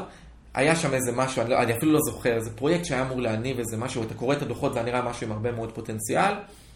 הוא הגיע לאספת בעלי מניות, שאל את בעל השליטה, תגיד, אתה חושב שהדבר הזה הוא ככה וככה? הוא אמר לו פחות או יותר, אה, לא, זה לא מעניין. ככה, פחות או יותר באמירה, אה, לא, זה משהו שהוא לא, אל תבנה עליו. במשפט אחד הוא כן. הצליח אה, כן. להבהיר את ה... הוא פשוט חיסל את כל התזה, וזה משהו שאני נתקל בו לא מעט. אז נגיד, בחברה הזאת של ה-NFT, אם אתה... תצליח להגיע להנהלה, תצליח להגיע לזה, זה לא שהם יגידו לך, תשמע, אנחנו, הרווח הבא, ברבעון הבא יהיה ככה, כן, הם מאוד נזהרים, אגב, הנהלות בישראל מאוד מאוד נזהרות ממידע פנים, אבל הם כן יגידו לך, אה, כן, זה יכול לעבור, יגידו לך וזה משהו כזה. זה, אתה יודע, זה משהו שמפריע לי בכלל, כל הדיווחים למאיה, נגיד, האמת אני פחות יודע איך זה עובד בארצות הברית, כי כן, גם אני קצת יותר ממוקד בישראל, אבל דיווחים לקונים כאלה, שכאילו כמו במין שפת סתרים, שאתה אמור ללקט מתוך הדיווח, מה זה בעצם, והייתה לי פעם אחת, גם אני אה, תלמיד שלך, אז אה, אתה יודע שאני בדור אלון, זה mm. חברה שאני אוהב, ויצרתי דרך הקשרי משקיעים באופן מפתיע, כל בן אדם יכול ליצור קשר עם קשרי כן. משקיעים, ואשכרה יקבל שיחה עם ה-CFO או המנכ"ל, זה לפעמים, די, די מדהים לגלות את זה, לפחות בדור אלון לא. זה היה כן. ככה. אה, אוקיי, סליחה. לצערי שזה, שזה לא עובד ככה, כאילו לא תמיד עובד ככה, יש, יש יותר טובים מאחרים. אז, אז בכל מקרה, אז, אז, אז שאלתי אותו לגבי איזה דיווח, הם, הם זכו במכרז לספק את, ה, את הדלק לרשות למשך שלוש שנים. כן. והיה כתוב שם, ממש, היית צריך לגלות את המשפט הזה בתוך דיווח גדול, אה, יהיה לזה השפעה מהותית על הרווחיות של החברה. ואז אני אומר לו, תשמע, זה לטובתכם, אתם, אתם עשיתם פה מהלך שאמור כן. אה, להציף ערך לחברה וגם... אם אנשים יבינו את המשמעות, זה יכול, אה, זה, למה אתם לא מסבירים את זה בפליין היברו? כן. וזה, ואז הוא כזה התחמק, אתה יודע, זה מוזר, אני עד עכשיו לא הבנתי למה זה, כאילו הם לא רצו שידעו מזה. או, כן, לא, או לא ירצו שיבינו את זה, זה די מוזר הדינמיקות שקורות שם. אני יכול להגיד לך שאמרתי לך שבדיעבד, כאילו, למדתי משפטים מתוך איזו מחשבה למצוא איזה משהו מסוים בעולם הזה, שאגב, מאוד נהניתי גם מהעבודה כעורך דין, למדתי המון, אבל אני יכול להגיד לך שבדיעבד, בוא נגיד לא הייתי לומד משהו אחר, כי אני יודע, ואני אני, הייתי, דיווחתי אגב, יש לי, לי חברות שהייתי מדווח במאיה, חברות בהסדרים, שאני הייתי, הייתי זה שבעצמי כותב את הדיווחים כאילו למאיה ומדווח אותם, כל התהליך, בחירת טופס, הדברים האלה. ואני קצת מכיר מאחורי הקלעים איך זה נראה, ובסופו של דבר המנכ"ל רוצה לכתוב מה שהוא רוצה, אה, והסמנכ"ל חושב שהם ירוויחו ככה, ירוויחו לפחות ככה וככה מיליוני דולרים בעסקה הזאת. הכל בסוף מגיע לעורך דין, העורך דין הוא זה שמדווח, העורך דין הוא זה... זה הצנזורה הצבאית של כן, ה... תרשה לי להיות ממש, אה, אה, בוא נגיד, בוטה על המקצוע. אתה צריך ככה, אתה צריך להראות שיש לך, וזה משהו שהוא, אתה רואה אותו לא מעט. מה, מה האינטרס של משרד עורכי דין שהוא מייעץ לחברה? קודם כל שלא יהיה פדיחות, שלא יהיה, אין, זה, זה האינטרס number 1, שלא יהיה פדיחות, לא מעניין אותו אם, אם המניה עולה או לא עולה, זה לא, לא רלוונטי בכלל. מעניין שלא יהיה פדיחות, שהרשות לא תדפוק, מה, איך כתבתם ככה וזה בכלל ככה, זה, זה number 1 priority, כן, שלא יהיה פדיחה כזאת, כי אם אתה קורא כזה דבר יהיה בעיתון ויודעים שהם המשרד שמייעץ לאותה חברה, זה יכול לפגוע של, שלא יבואו לקוחות. בנוסף, אתה רוצה להראות שיש לך ערך, נכון? כל, כל בעל מקצוע, אגב, ש, שיש לך, שעומד בשרשרת, גם אם הוא מיותר לחלוטין, כן. ירצה להראות שיש לו ערך, ולכן אתה מקבל צנזורה. לפעמים אתה, אתה יודע, בדיעבד מגלה מה, עבר, מה היה מאחורי איזה דיווח, ואתה רואה כמה הקשר בין, ה, בין המציאות הוא כאילו רופף. הם מוחקים לך את כל הדברים המעניינים. אה, אה, אם יש אה, עסקה... אה, אה, שאמור להיות בה איזה חלק מעניין, אבל הוא כאילו אופציונלי, הם לפעמים לא יציינו אותו בכלל. כן, אבל בסוף הייתי, חושב שבתוך כל חברה, בוא ניקח את דור אלון סתם לשם הדוגמה, חוץ מהעורך דין גם אמור להיות כוח כנגד, שאמור להגיד, היי, כאילו, יש פה משהו שכדאי שמשקיעים ידעו ממנו. אין מספיק, אין מספיק. זה, זה... הכוח של המנכ"לים מול עורכי דין הוא... העורכי דין יכולים להיות מאוד עקשנים, מאוד אגרסיביים, להראות שיש להם ערך, זה מאוד מאוד חשוב להם. אה, אה, והמשפט, הם אומרים לך, זה משפטים ש, שאני שמעתי, נגיד בדיעבד, אמרתי, תגיד, למה שדיווחתם על הדבר הזה לא אמרתם שככה וככה? אומרים לך, אומרים, לך, תשב בכלא. ככה, אומרים לך משפטים כאלה. תשמע, את הדבר הזה בסדר, אבל אם אתה תשב בכלא, אל תעלה. עכשיו, זה כל כך קיצוני וזה כל כך... לא נכון גם, כי המקרים שאתה, מה זה לשבת בכלא? זה אם אתה מנסה להטעות מישהו באופן זה, או שיתבעו אותך וכאלה, אפשר לתבוע על כל דבר, אבל התביעות, ה, בוא נגיד תביעות שיוצא מהן משהו, זה תביעות שבאמת, לטובת השופטים אני אגיד, יש, בדרך כלל יש מאחוריהם איזה משהו באמת אמיתי. אם אומרים לך, יכול להיות שהדבר הזה יוביל לעסקה, וזאת האמת, אני לא חושב שאף אחד ישב בכלא ואף אחד לא, לא תהיה כאן איזה תביעה, תביעה נגזרת מבריקה. אבל זה מפחיד אותם, זה מפחיד את המנכ"לים, הם בני אדם לח, לחלוטין, ומה ש, ומי שמייעץ להם, אף אחד מה, מהקבוצה של אנשים שעומד מאחורי המנכ"ל, כלומר הדירקטוריון והאנשים שמקיפים את הזה, גם הדירקטוריון, וזה שוב משהו שאני מכיר כי אני יעצתי לדירקטוריונים. אתה, ראיתי איך זה מתנהל בפנים, הם שומרים על עצמם, הם שומרים על עצמם, זה מאוד מאוד, זה העדיפות המספר אחת שלהם, כי דירקטור בדרך כלל יושב בלא מעט דירקטור, בדירקטוריונים, כן. יש לו את הביטוח שלו, אבל יש דברים שלא מכסה הביטוח, שזה כאילו כמובן איזה רשלנות אה, מאוד מאוד אה, קיצונית. והמטרה שלהם זה לא להגיע למקומות האלה, אז איך אתה לא נהיה רשלן? אתה יודע איך אתה לא נהיה רשלן? אומר לך העורך דין לעשות ככה, פחות או יותר תעשה מה שהוא אמר לך. אם אתה תלך נגד העצה של העורך דין, אתה כאן בריזיקה, אתה כאן פתוח, כן? כי, כי מאוד קל בתביעה, בבית משפט, להגיד, אמרו לך ככה, איך יכולת לעשות אחרת? לכן עדיף לשמור על פרופיל נמוך, כל הקשור לדיווחים, אני לא מדבר על העסק, כן, מה שאני מדבר כאן זה רק הדיווחים, כן, כן, אין להם כן. שליטה, עורכי דין לא יגידו לך תקנה או לא תקנה את זה, אבל בדיווחים הם שולטים, וזה חשוב להבין, זה חשוב להבין את זה כמשקיע, כאילו שקורא דיווחים, חשוב להבין שהעורכי דין כותבים את הדיווח. אז אני מתאר לעצמי שחלק מהמאזינים שלנו הם משקיעים בעצמם, והם שומעים את מה שאנחנו מדברים עליו, ואז הם אומרים, אוקיי, אני מנסה לעקוב אחרי חברה מסוימת כי היא מעניינת אותי, אני רואה את הדיווחים, הרגע למדתי משלומי ש...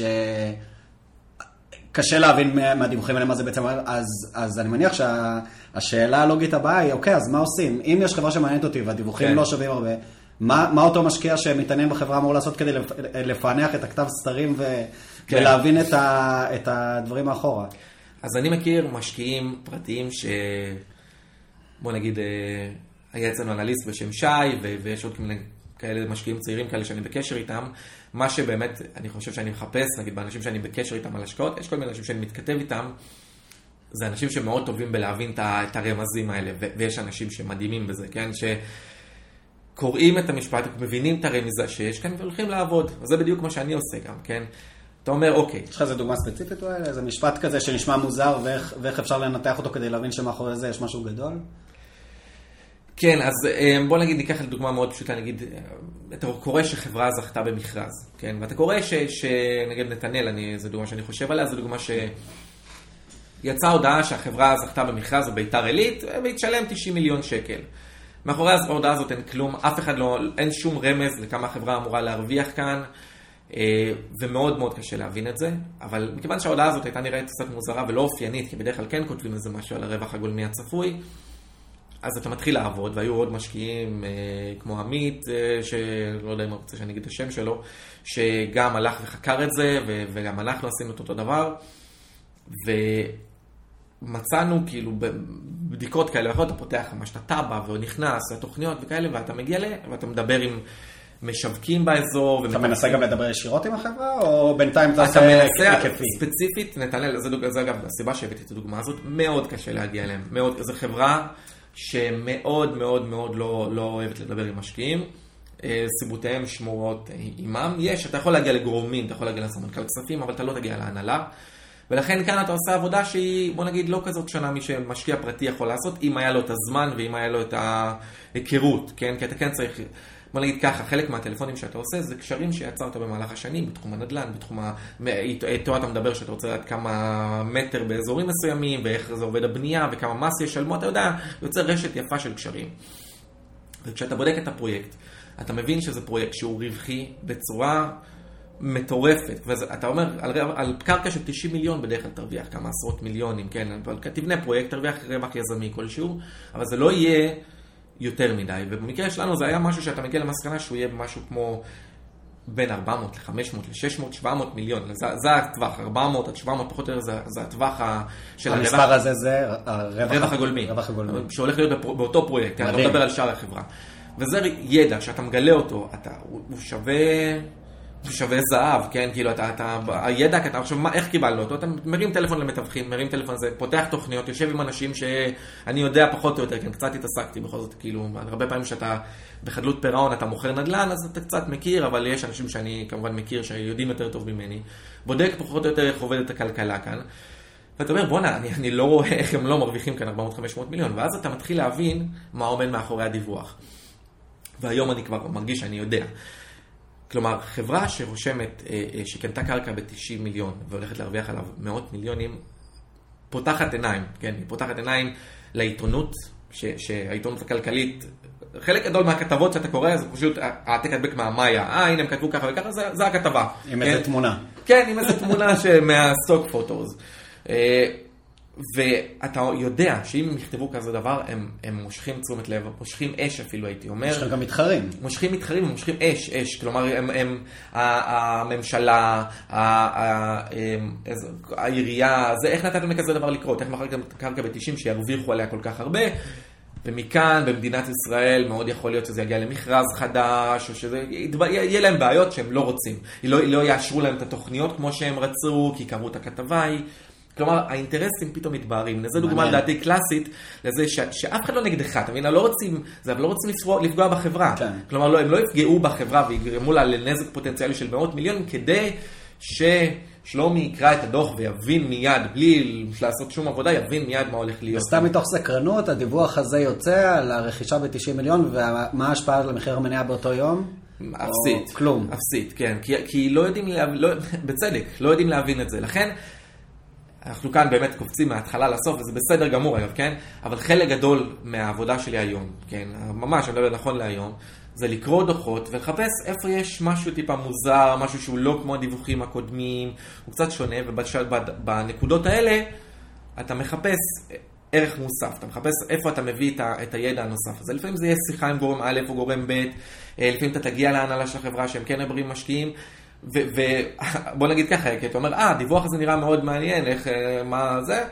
אה, לא, זה משהו שאמרו לנו לדווח, או, או זה בגלל חברה אחרת, בכלל לא רצינו לדווח זה, לא חשבנו שזה מספיק מהותי. אתה, אתה פתאום אה, מגלה איזה, בוא נגיד, משהו שמוריד אותך מה, מהטרייל, ואתה עובר לדבר הבא. ומדי פעם אתה בעזרת אה, שיחות כלליות כאלה, מגלה דברים שבאמת אומרים לך, כאן, כאן מעניין, כאילו יש כאן משהו מעניין. אתה חושב שההזדמנות הזאת בחברות, ה... נקרא לזה הקטנות, זאת אומרת... כן, חשוב החברות... לומר שאנחנו מדברים על הקטנות, קטנות זה, זה בוא נגיד 100 אה, מיליון עד 500 מיליון, זה לא קטן במובן של המכולת. אה, כן, אז, אז, אז בדיוק רציתי להבהיר, קטנות אני מתכוון, חברות נגיד שלא נסחרות בתל אביב 125, לצורך כן, העניין. כן, שכן, זה, זה עדיין גודל, אה, גודל מכובד, למרות שבארצות הברית חברה ששווה 400 מיליון שקלים, זו חברה שלא מסתכלים עליה בכלל. היא, היא, היא מתחת לננו-קאפ, אם אני לא טועה, ההגדרה היא, כאילו יש לך מיקרו-קאפ שזה מיליארד, מיליארדים, כמה מיליארדי דולרים. ננו-קאפ זה, אני חושב, באזור מיליארד דולר, אם אני זוכר נכון. כלומר, אנחנו בכלל לא כן, באזורים האלה. אז, כן. אז, אז כן, אז, אז רצ, מה שרציתי לשאול, אני התחלתי לעקוב אחרי הבלוג שלך, ובאמת זה עושה רושם, תתקן אותי אם אני טועה, אבל זו ההתרשמות שלי בתור מסתכל מהצד, שאתה התחלת ב-2018-2019 לדבר על חברות קטנות, הייתה נישה כזאת בארץ, אבל כן. היא הייתה יחסית קטנה, ואולי באשמתך, הנישה הזאת כבר הולכת וגודלת. יש גם, אני ראיתי בדה מרקר שיש עוד קרנות שמכריזות על עצמן, שהן קרנות של... אה, שמתמקדות במניות קטנות, אז השאלה שלי, האם אתה חושב שמתישהו זה גם יהיה אה, אה, בריכה שכבר מלאה בדגים, או שההזדמנות שמה... אז אני יכול להגיד לך שמעניין באמת אם זה... ירית על עצמך ברגל, מה שנקרא. לא, לא, אבל זה נכון מה שאתה אומר, כאילו יש בזה היגיון, אבל אני אגיד לך ככה. היו ויש קרנות יתר, שאומרות על עצמן שהן קרנות של, כאילו קרנות יתר. קח את הקרן של אלטשולר למשל, שהיא התחילה, כי תחשוב, יש לך גוף עם הרבה אנליסטים והרבה זה, והם מוצאים כל מיני פינות כאלה. לפעמים, טוב, עזוב, לא, לא ניכנס לנקודות כאלה, אבל אפילו יודעים ש, שעל אחרים שרוצים להיכנס להשקעה, שם יש להם מידע שהוא יחסית מועיל במדינות הקטנות. הם מקימים את הקרן הזאת של היתר, ובהתחלה יש להם אה, ביצועים מאוד מאוד יפים. הקרן מנהלת, נגיד, 40, 50, 100 מיליון, והביצועים מאוד מאוד יפים. אני מדבר על קרן נאמנות אגב. כן, קרן נאמנות מאוד קל להכניס ולהוציא ממנה כספים, זה עניין של uh, כמעט מיידי.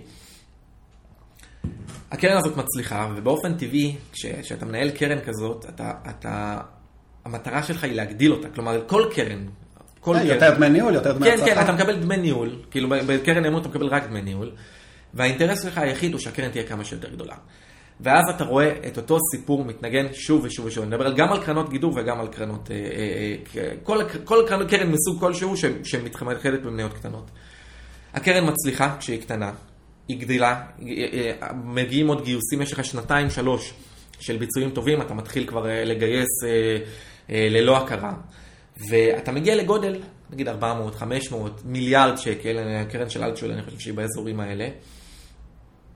ופתאום כל היתרון שלך וכל הביצועים שלך נעלמים. כלומר, אתה מראה שנתיים, שנה, שנתיים, שלוש של ביצועים טובים, ואז הביצועים שלך מתחילים לרדת, ואתה נשאר, אתה פשוט נתקע, ואתה רואה שהקרן מגיעה לגודל מסוים, הגודל הזה זה הגודל שבו היא כבר נעלם ה over performance, והיא פשוט נתקעת בגודל הזה. עכשיו, המלכודת הזאת היא אחד הדברים הראשונים שזיהינו, כשהתחלנו את הקרן, את קרן הגידור, אמרנו, ידע, ידענו את הסיפורים, אנחנו מכירים את זה, זה קורה שוב ושוב ושוב. הקרן מגיעה, זה כאילו, אתה מכיר את הכלל הזה שאומר שעובד יגיע למקום שבו, לדרגה הכי בכירה, או שבו הוא לא מתפקד, כאילו, שבו הוא כבר, כן, לא, כן. אז הוא ייתקע שם, כן. כאילו. אה, אז זה אותו דבר פחות או יותר בקרנות. אתה תגיע לגודל שבו אתה מפסיק לתת ערך מוסף. ומכיוון שזיהינו את זה, אמרנו, אוקיי, הגודל הזה, אם אני מזהה אותו לפי הדברים, איך אני חושב? אז אני כל הזמן מסתכל על מניות, אני יודע איך אני, תגיד לי לבנות תיק של מניות, אני יכול לעשות את זה בדקה. היית אומר לי לבנות תיק של 100 אלף שקל, זה, זה עניין של באמת, לא, לא מורכב, כי, כי אני כבר יודע מה, מה הדברים שמעניינים, אני יודע על עשרות רבות של חברות, בשליפה, חברות מעניינות. תגיד לבנות תיק של 100 מיליון, אני יודע לבנות אותו, 200, גם 500 וגם מיליארד, הרי אני יכול לבנות תיק כזה בלי בעיה, פשוט יהיה הרבה פחות טוב. לדעתי, אני הרגשתי פחות או יותר איפה מתחיל, יתחיל האזור הזה של יהיה פחות מעניין, ואני הגעתי למסקנה שזה באזורים של, בוא נגיד, לא פחות מ... 300 מיליון, פחות או 400 מיליון באזורים האלה. אבל זה לא פונקציה גם של כמה מתחרים יש? כאילו, אתה, אתה מדבר על ה-300 של הקרן שלך, אבל זה לא פונקציה של גם כמה קרנות אה, מנסות לנגוס ביחד איתך באותו... לא בדיוק, לא בדיוק. דגים? מה שאמרת באמת, אם אני רוצה לענות לשאלה הזאת ישירות, אז גם אם עכשיו יש יותר מתעניינים, יש שני דברים שמפצים על זה. קודם כל, חברות קטנות, יש המון המון המון, המון המון חברות שעל הגדר לגבי להיכנס לבורסה, וכשהשוק לא מספיק חי, הן לא נכנסות. כלומר, אנחנו ראינו שנה שעברה, כשהשוק קצת התעורר, והיה קצת התעניינות במניות הקטנות, נכנסו 100 חברות, רובן חברות קטנות. כלומר, הדברים שקראת בעיתונות זה חברות גדולות, אבל הרוב היו חברות קטנות. ואני יודע כי אני פגשתי חלק גדול מהן, ואני אומר לך שאם השוק היה קצת פחות מעניין, חלקן הגדול לא היו מצליחות לעבור את הרף של הכניסה כאן. כלומר, יש לך גורם שהוא מפצה על, על העניין הזה של ההתעניינות, והוא חברות שנכנסות לבורסה. במשך עשר שנים לא הייתה, לא היה הנפקות כמעט נכון. בחברות עשר שנים. נכון. כי, כי לא הייתה, השוק הזה היה מאוד מאוד אה, טפל ולא מספיק מחזורים, לא מספיק דברים כאלה. וברגע שהתחילה התעניינות, הרבה חברות שחשבו, באמת המוח הישראלי אתה מדהים בעיניי, ואתה פוגש חברות שאתה לא מבין איך הם הגיעו לרעיון הזה, ודברים מדהימים, שהיו יכולים להנפיק לפני ארבע שנים או שלוש שנים, אבל פשוט הם לא עשו את זה כי לא היה שוק.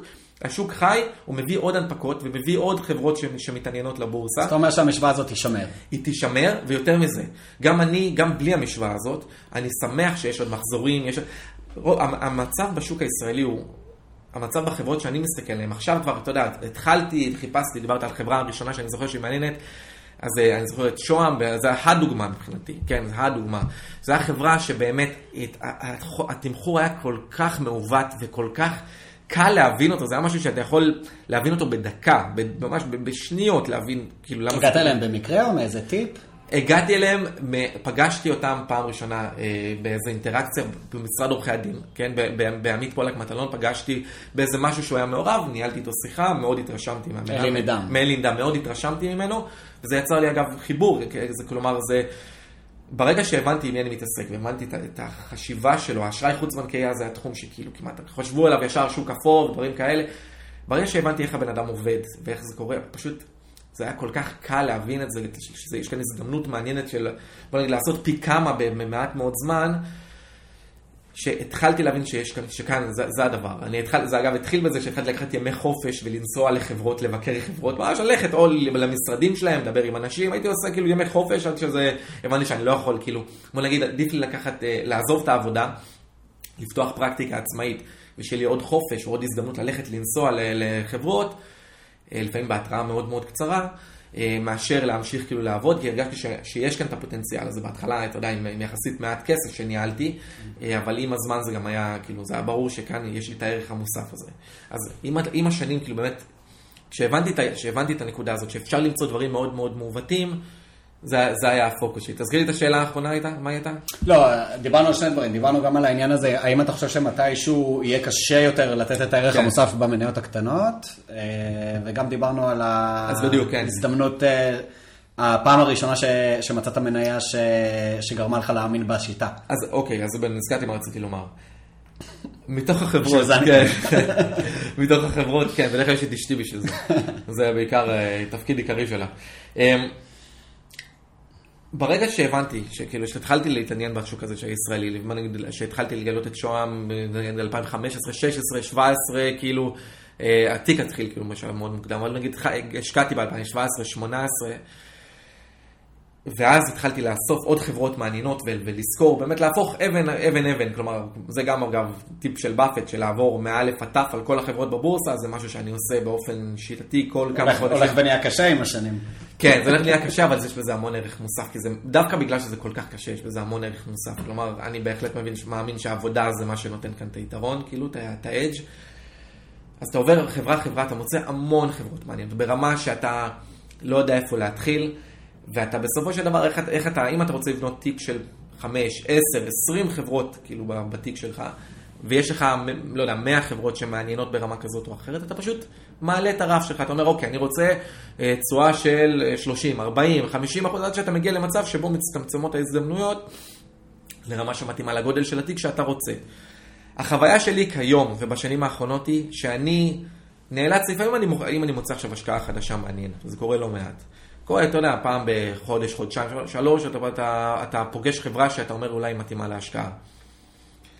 ברוב המקרים לא יהיה לך איזה משהו שאתה אומר, אוקיי, למזלי, כאן היה לי איזה אקזיט, או זאתי מאוד התייקרה, אה, ולכן אני יכול לצאת ממנה. לפעמים המניה קצת עלתה, או יש משהו שהוא אה, קצת פחות אה, זול מחברה אחרת, אבל החוויה שלי היא שגם כשאתה מוכר חברה, אתה מוכר אותה שהיא זולה. גם בתיק שלי, כשאני מוכר חברה, זה לא שמישהו גילה אותה, לפעמים אתה נאלץ למכור אותה בשלב מוקדם יחסית, כי אתה אומר, יש לי משהו יותר טוב. הייתי שמח, בוא נגיד, אם היה עוד התעניינות.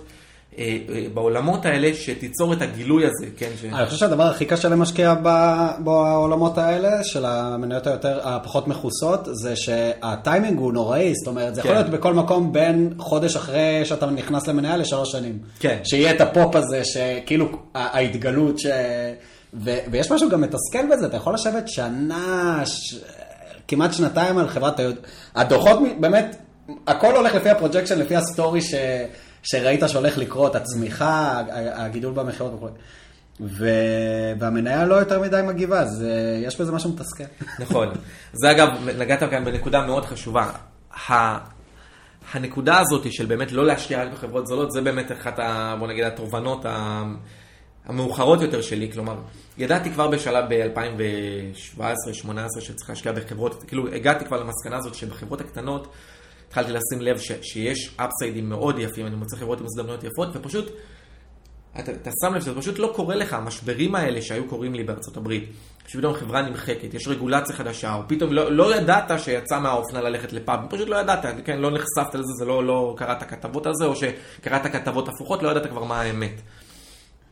ושמתי לב שבהשקעות בישראל זה פחות קורה לי, כן? או לא קורה לי בכלל, אני לא יכול להגיד לך על מקרה אחד בישראל, עד כדי כך, ש, ש, כאילו, אתה יודע, נמחקתי, או אכלתי אותו, או משהו ירד ב-80 אחוז, למרות שחשבת, כי זה לא קורה, הדברים האלה, אתה פחות או יותר יודע מה האווירה הפוליטית, וזה משהו שהוא מאוד מאוד חשוב, הוא לא, קשה לכמת אותו, אבל הוא קריטי, ויש על זה מחקרים, גם כתבתי על זה, שמראים שאם אתה משקיע באזור המגורים שלך, הביצועים שלך הרבה הרבה יותר טובים, כי אתה כן. יודע, אתה רואה, אתה רואה את המשאיות בכביש, אתה רואה את המוצרים במכולת, אתה רואה את ה... אתה מדבר עם... עם אתה רואה את הפרסומת, ראית אותם? אה, כן, אני ניסיתי את המוצר שלהם מועל לפנים, אתה, אתה נחשף למידע. שהוא נותן לך ערך מוסף גדול בלי שתדע. למשל, אני, לא, אין לי מושג בשביל לדעת מה קורה, מה הלך הרוח על פאבים, צריך לקרוא כתבות ומידע מעובד. אם אתה גר בלונדון, אתה יודע, אתה יודע, אתה לא צריך שום דבר כן. שיגיד, ואתה תדע את התשובה הנכונה גם, אתה תדע משהו שהוא, מידע שהוא מאוד איכותי. לכן ברגע שידעתי שאני צריך להשקיע, כאילו, ידעתי שהערך המוסף הוא בישראל, התחלתי לחפש חברות, כל מיני חברות קטנות זולות. ושמתי לב במקרים מסוימים שבאמת אתה נתקע, כן? וזה נגיד חברה, ניתן חברה קלאסית בתחום הזה שבשם ORT, שזאת חברה באמת הכי, הכי פשוטה והכי קלאסית שיכולה להיות. חברה שנסחרה, בוא נגיד, ב-100 מיליון שקל, יש לה 200 מיליון שקל במזומן, כן? הדבר הכי no brainer, פשוט, והם מחלקים דיבידנד, ויש להם זה, וכאילו הכל פרפקט.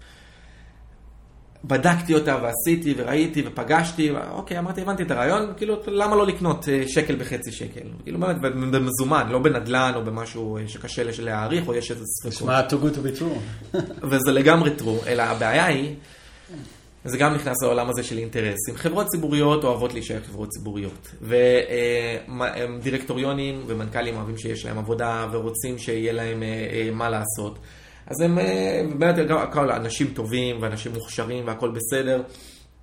אבל אתה לא רואה הרבה מקרים שבו, נגיד במקרה כזה, הדבר הנכון לעשות, כאילו כלכלית, פשוט, קחו את הכסף, חלקו אותו, ועוד תישארו עם שלד, כן, ששווה 10 אה, מיליון היום, או 15 מיליון אפילו היום, פעם זה נגיד היה 5, זה כל הזמן משתנה, המחיר של השלדים משתנה דרמטית, כן? אה, ו- וכולם היו מרוויחים מאוד מאוד, כאילו, הרבה מאוד, אבל זה לא קורה, הדברים האלה לא קורים. ו- ואתה יכול להגיד לך שהיום, אני חושב, ארבע שנים אחרי שכתבתי עליה, זה עדיין לא קרה, וזה עדיין לא, לא הולך לקרות. יהיה לך דיבידנדים פה ושם, ולא הפסדת כסף, כן? אבל גם לא הרווחת כסף. כן. ואתה נתקל במקרים האלה, והתובנה ש- שהגעתי אליה, איך אתה, איך אתה נמנע מזה? כלומר, אתה אומר, אוקיי, יש לי חברה, ORT, היא, יש לה שני שקלים, היא נסחרת בשקל, יש לה 200 מיליון, נסחרת ב-100 מיליון. בחלק מהמקרים, נגיד אם זה השקעה בחו"ל או משהו כזה, שאין לך איזה משהו מעבר, אתה אומר, אוקיי, השקעה טובה, הנה, ניכנס לזה, נחכה כמה שצריך. ואני מכיר גם משקיעים, אני מכיר קרן אחרת, שאפילו תבעה את החברה. תבעה את החברה, כאילו, את משפט, אמרה לה, כאילו, של איך את יכולה לא לחלק, אנחנו דורשים שתחלקי, זה קיפוח מיעוט שלא מחלקים. תביעה מאוד בעייתית, ושלא לא הצליחה יותר מדי, אבל כן, אגב, עודדה את החברה לעשות דיבידנד, לחלק דיבידנד, או אולי חילקה, כי, אולי היא עודדה, כי היא חילקה גם קודם, קשה מאוד לומר, אבל זה קשה, אתה נכנס לפינות שאתה לא בטוח רוצה להיות בהן. אז איך אתה נמנע מזה? וזו באמת תובנה ש, ש, שהגעתי אליה, ובאמת, אני חושב, מכווינה את איך שאני מתנהל היום. אתה לא יכול שזה יהיה רק כאילו, רק חברה זולה. נתנאל למשל, אם נחזור אליה, כי אני חושב שזו דוגמה קלאסית ש, שקל להבין אותה לישראלים שחובבי נדל"ן. אתה, כשאתה מוצא רעיון כזה ואתה אומר חברה זולה, זה לא מספיק. אתה צריך לדעת מה הולך לשנות את זה. עכשיו, במקרה של נתנאל, אני אומר, הולך להיות כאן רווח של 400-500 מיליון שקל בפרויקט. הפרויקט הזה הולך להתחיל ברבעון הראשון של 2022 ככל הנראה, או השני, לכל המאוחר, והרווחים הולכים להירשם בדוחות. כלומר, הם אגב, לא, לא, גם עד היום הם לא הוציאו כמה, כאילו, דיווח נורמלי על כמה הם הולכים להרוויח. בדוח הש... האחרון שלהם הם רשמו משהו מאוד מאוד מאוד שמרני, כי שוב, הם לא רוצים שיתמקדו בזה, הם לא רוצים, כאילו, זה, זה נגד האינטרס של החברה. ברגע שיצאו הדוחות וימכרו הדירות וכבר אין מה להסתיר, כבר מאוחר מדי לשים להם מקלות בגלגלים ולא אף אחד אחר לא ייקח את הפרויקט והרגולציה כבר לא תיקח לאנשים את הבתים. זה פתאום יופיע בדוחות, ואז אתה אומר, אוקיי, כאילו, זה, זה כנראה בשלב הזה כבר יבינו. ולחברה שיש לה רווח בכל הפרויקטים, נגיד נלך, או, והון עצמי של מיליארד, מיליארד וחצי, לא תיסחר ב-300 מיליון, 200, 300, 400 מיליון, היא לא תיסחר שם. כי זה פשוט לא קורה. ברגע שרואים את הדברים בדוחות, מתייחסים אליהם. לכן החלק גדול מה, מהעבודה היא באמת למצוא איך ייראו הדוחות הקרובים ומתי יקלטו את הקטע. אז זה דבר ראשון, דברים כאלה של פרויקטים שהולכים להופיע בדוחות. דבר שני, וזה בעיקר חברות שצומחות, חברות צמיחה. חברות שאתה יודע מה, לא יגלו אותה חודש, לא יגלו אותה רבעון או השנה אפילו. חברה צומחת בין לבין היא, היא חברה ש, שהמוצר שלה איכותי, אתה בודק ואתה יודע שיש אליו ביקוש, אתה יודע שמשהו מגביל את המכירות שלה כרגע זה כוח ייצור, וכוח הייצור הולך להיפטר ברבעון הבא או ברבעון שאחריו. ואתה אומר, אוקיי, אני יודע שהדבר הזה כאילו הולך להופיע בדוחות, מה שהקריטריון שאני שם לעצמי, אז אני אומר, יש כאן סיכוי טוב שהמניה הזאת הולכת להכפיל את עצמה בשנה הקרובה. סיכוי טוב, אני לא יודע, כי תמיד יכול להיות שגם כשהיא תצמח יגידו בוא נראה עוד רבעון, אבל אני אוהב את העסק, העסק טוב, אין בו סיכונים גדולים של מינוף או דברים כאלה. אה, המוצר מוכר, יש מגוון של מוצרים, המנכ"ל מאוד חשוב, מחזיק מניות. אגב, זה, זה מתחבר לנקודה הזאת של, ה, של הדיווחים. ברגע שהמח, שהמנכ"ל מחזיק מניות ויש לו אינטרס ברור שהמניה תעלה ושהדיווחים אה, כאילו יהיו, אה, בוא נגיד, טובים וזה, אז אתה יודע, קודם כל יש כוח נגד מול העורכי דין, כי הוא רוצה כאילו באמת ש, שידעו פחות או יותר לפחות מה קורה, הוא לא יסתיר לך לגמרי. דבר שני, אתה יודע שיש מישהו שמגן על האינטרסים שלך. הייתה, נגיד, חברה, אחת ההשקעות האחרונות שלי מחוץ לישראל הייתה בחברה בשם Flybe. אה, חברת תעופה אה, אה, שיושבת בבריטניה. ומה שקרה שם, אגב, זה באמת, אני חושב, אחד הדברים, כאילו, אחת ההשקעות האחרונות שהיו לי שם באזור הזה. מתי השקעת שם? באיזה שנה? אני חושב, 2017, 2018. מה שקרה שם זה באמת היה טראומה, היה לך שם את הברקזיט, כן? Mm. והמחירים, הפאונד מאוד ירד, מה שהעלה את המחירי דלקים בצורה דרמטית, העלה את העלויות והעביר את החברה, נגיד, היה להם קשה להתנהל. קרה משהו שאני משייך אותו בעיקר לזה שלא היה בעל מניות עיקרי. כן, מה שקרה זה שהדירקטוריון החליט למכור את כל הפעילות בחינם למעשה, באפס, באגורה או משהו, בסנט, כאילו, אה, לחברה אחרת. והסיבה העיקרית הייתה, להערכתי, שלא היה בעל, לא היה בעל מניות עיקרי, לא היה בעל מניות גדול בכלל, היה מלא בעיות, בעלי מניות קטנים. והדירקטוריון, הדבר העיקרי שהוא פחד ממנו זה שאם החברה תיכנס לחדלות פירעון מאוחר יותר, אה, ויהיו לה חובות, והיא לא תסגור את החובות, יתבעו אותם. יתבעו אותם וזה ייראה לא טוב, זה יימשך הרבה שנים, והם צריכים להמשיך לעבודה הבאה שלהם. כלומר, עדיף להם שמישהו ייקח על עצמו את החובות של החברה, וימכרו את החברה בחינם, מאשר, אה, מאשר אה, להמשיך לנסות להציל, למכור אולי במחיר יותר טוב, אולי המצב טיפה ישתפר, והם מכרו את זה בשלב מאוד מאוד מוקדם. בחינם גמרו את בעלי המניות, כן, מחקו את בעלי המניות לגמרי, אבל בעלי החוב קיבלו את, את שלהם. אז אתה אומר שזו הסיבה שנוכחות של אה, מנכ"ל או, או בעל שיטה דומיננטית זה יתרון לחברה. זה חשוב. זה יכול יש מישהו שאכפת לו. כן, זה, זה יכול להציל אותך. זה כאילו, אתה לא יודע כמה זה חשוב עד שזה קורה, ואתה לא יודע, בגלל שאתה לא יודע מה קורה בתוך חדרי חדרים של הדירקטוריון, יש להם, אני, אתה יודע, הרבה פעמים שאתה אה, מדברים על דירקטור, דירקטור, דירקטורים ודירקטוריונים בתור השומרי הסף ומי שמגן על בעלי המיעוט. זה נכון, לפעמים זה נכון, מגן מעסקאות לא הוגנות עם בעל השליטה, הכל בסדר. אבל זה יכול להיות גם הפוך. לדירקטוריונים יש אינטרסים שהם לא מיושרים עם בעלי המניות. כלומר, כל אחד מהצדדים, הבעל השליטה, יש אינטרסים אישיים שלו, להעסיק את, את הבת שלו, דברים כאלה. ו- אבל גם לדירקטורים יש אינטרסים משלהם, הם רוצים אה, שלא יהיה דרמות, לא רוצה שיהיה יותר מדי הרפתקאות, שהחברה תהיה בסדר, לא לקחת סיכונים, ולכן אתה חייב שמי, שיהיה את שני הצדדים האלה ושיהיה להם את היחסי כוחות האלה הבריאים ביניהם, וחשוב, אבל מאוד מאוד חשוב שבעל השליטה יהיה עם החזקה מנייתית לא קטנה, זה אחד הדברים שאנחנו מחפשים. בהקשר הזה אני ראיתי דוקומנטרי ממש מעולה אה, על קארל אייקן. יש, כן. יש דוקומנטרי שיצא עכשיו ב-yes, אה, ראיתי את זה בסטינג TV, על ה... אתה מכיר את הסיפור שלו, הוא המשקיע האקטיביסטי המפורסם, כן, והוא כן, ב... הוא... הוא בעצם בדיוק אה, תוקף אה, חברות עם דירקטוריונים חלשים, כן. והוא הצליח לעשות שם, יש עליו הרבה ביקורת, אם הוא עושה את זה בשביל עצמו, לטובת הציבור, כי הוא מציג את זה כאילו לוחם... אה, עבור כל המשקיעים הקטנים, אבל, אבל זה אין ספור דוגמאות. בארצות הברית, חברות יותר גדולות, שהוא פשוט נלחם בדירקטוריון לקבל החלטות שהדירקטוריון לא, לא קיבל בעצמו, ורואים פעם אחר פעם שבזכות ההחלטות האלה ערך צף למעלה. אפשר להתווכח על, ה, על האינטרסנטיות, אבל, אבל השורה התחתונה, הוא, הוא חברה ששווה 20-30 מיליארד דולר, אם אני זוכר נכון. כן. הוא הציף הרבה ערך למעלה. אז אני אגיד לך משהו שאני חושב שיפתיע לא מעט אה, מאזינים שאולי לא מכירים את השוק הישראלי. מה, מה, מההיכרות שלי ומההתעסקות שלי בשווקים בארצות הברית ובלונדון וכל מיני שווקים כאלה, אני חייב להגיד שבאמת הרשות בישראל עושה עבודה נהדרת בהשוואה ל, ל, למתחרות. נגיד ככה. מפתיע, מה זאת אומרת? עושה עבודה נהדרת. כלומר, הדברים האלה, המקרים שבהם קהל אייקן מתערב, שבהם כאילו דברים די פשוטים, ההוא שותה כסף מהצד, יש לך בארצות הברית גם קטגוריה שלמה של חברות שפשוט לא מדווחות, בכלל לא מדווחות, או מדווחות באיחור, או יש לך המון המון המון בעיות כאילו בדברים האלה, והרשות היא לא, היא לא מחפשת, היא מחפשת הטעיה של משקיעים ממש, או, או דברים שהם clear cut, לקחו כסף מה, מהחברה, דברים שהם מאוד מאוד מאוד בולטים. הרשות לעומת זאת בישראל היא על כל דיווח, על כל דיווח, זה יש כאילו פחד, או לפחות חשש כאילו שיהיה איזה משפט שלא ימצא חן ביניהם. הם מונעים, אני אומר לך שחברות שמנפיקות, התשקיף שלהם עובר כאילו ברמה של...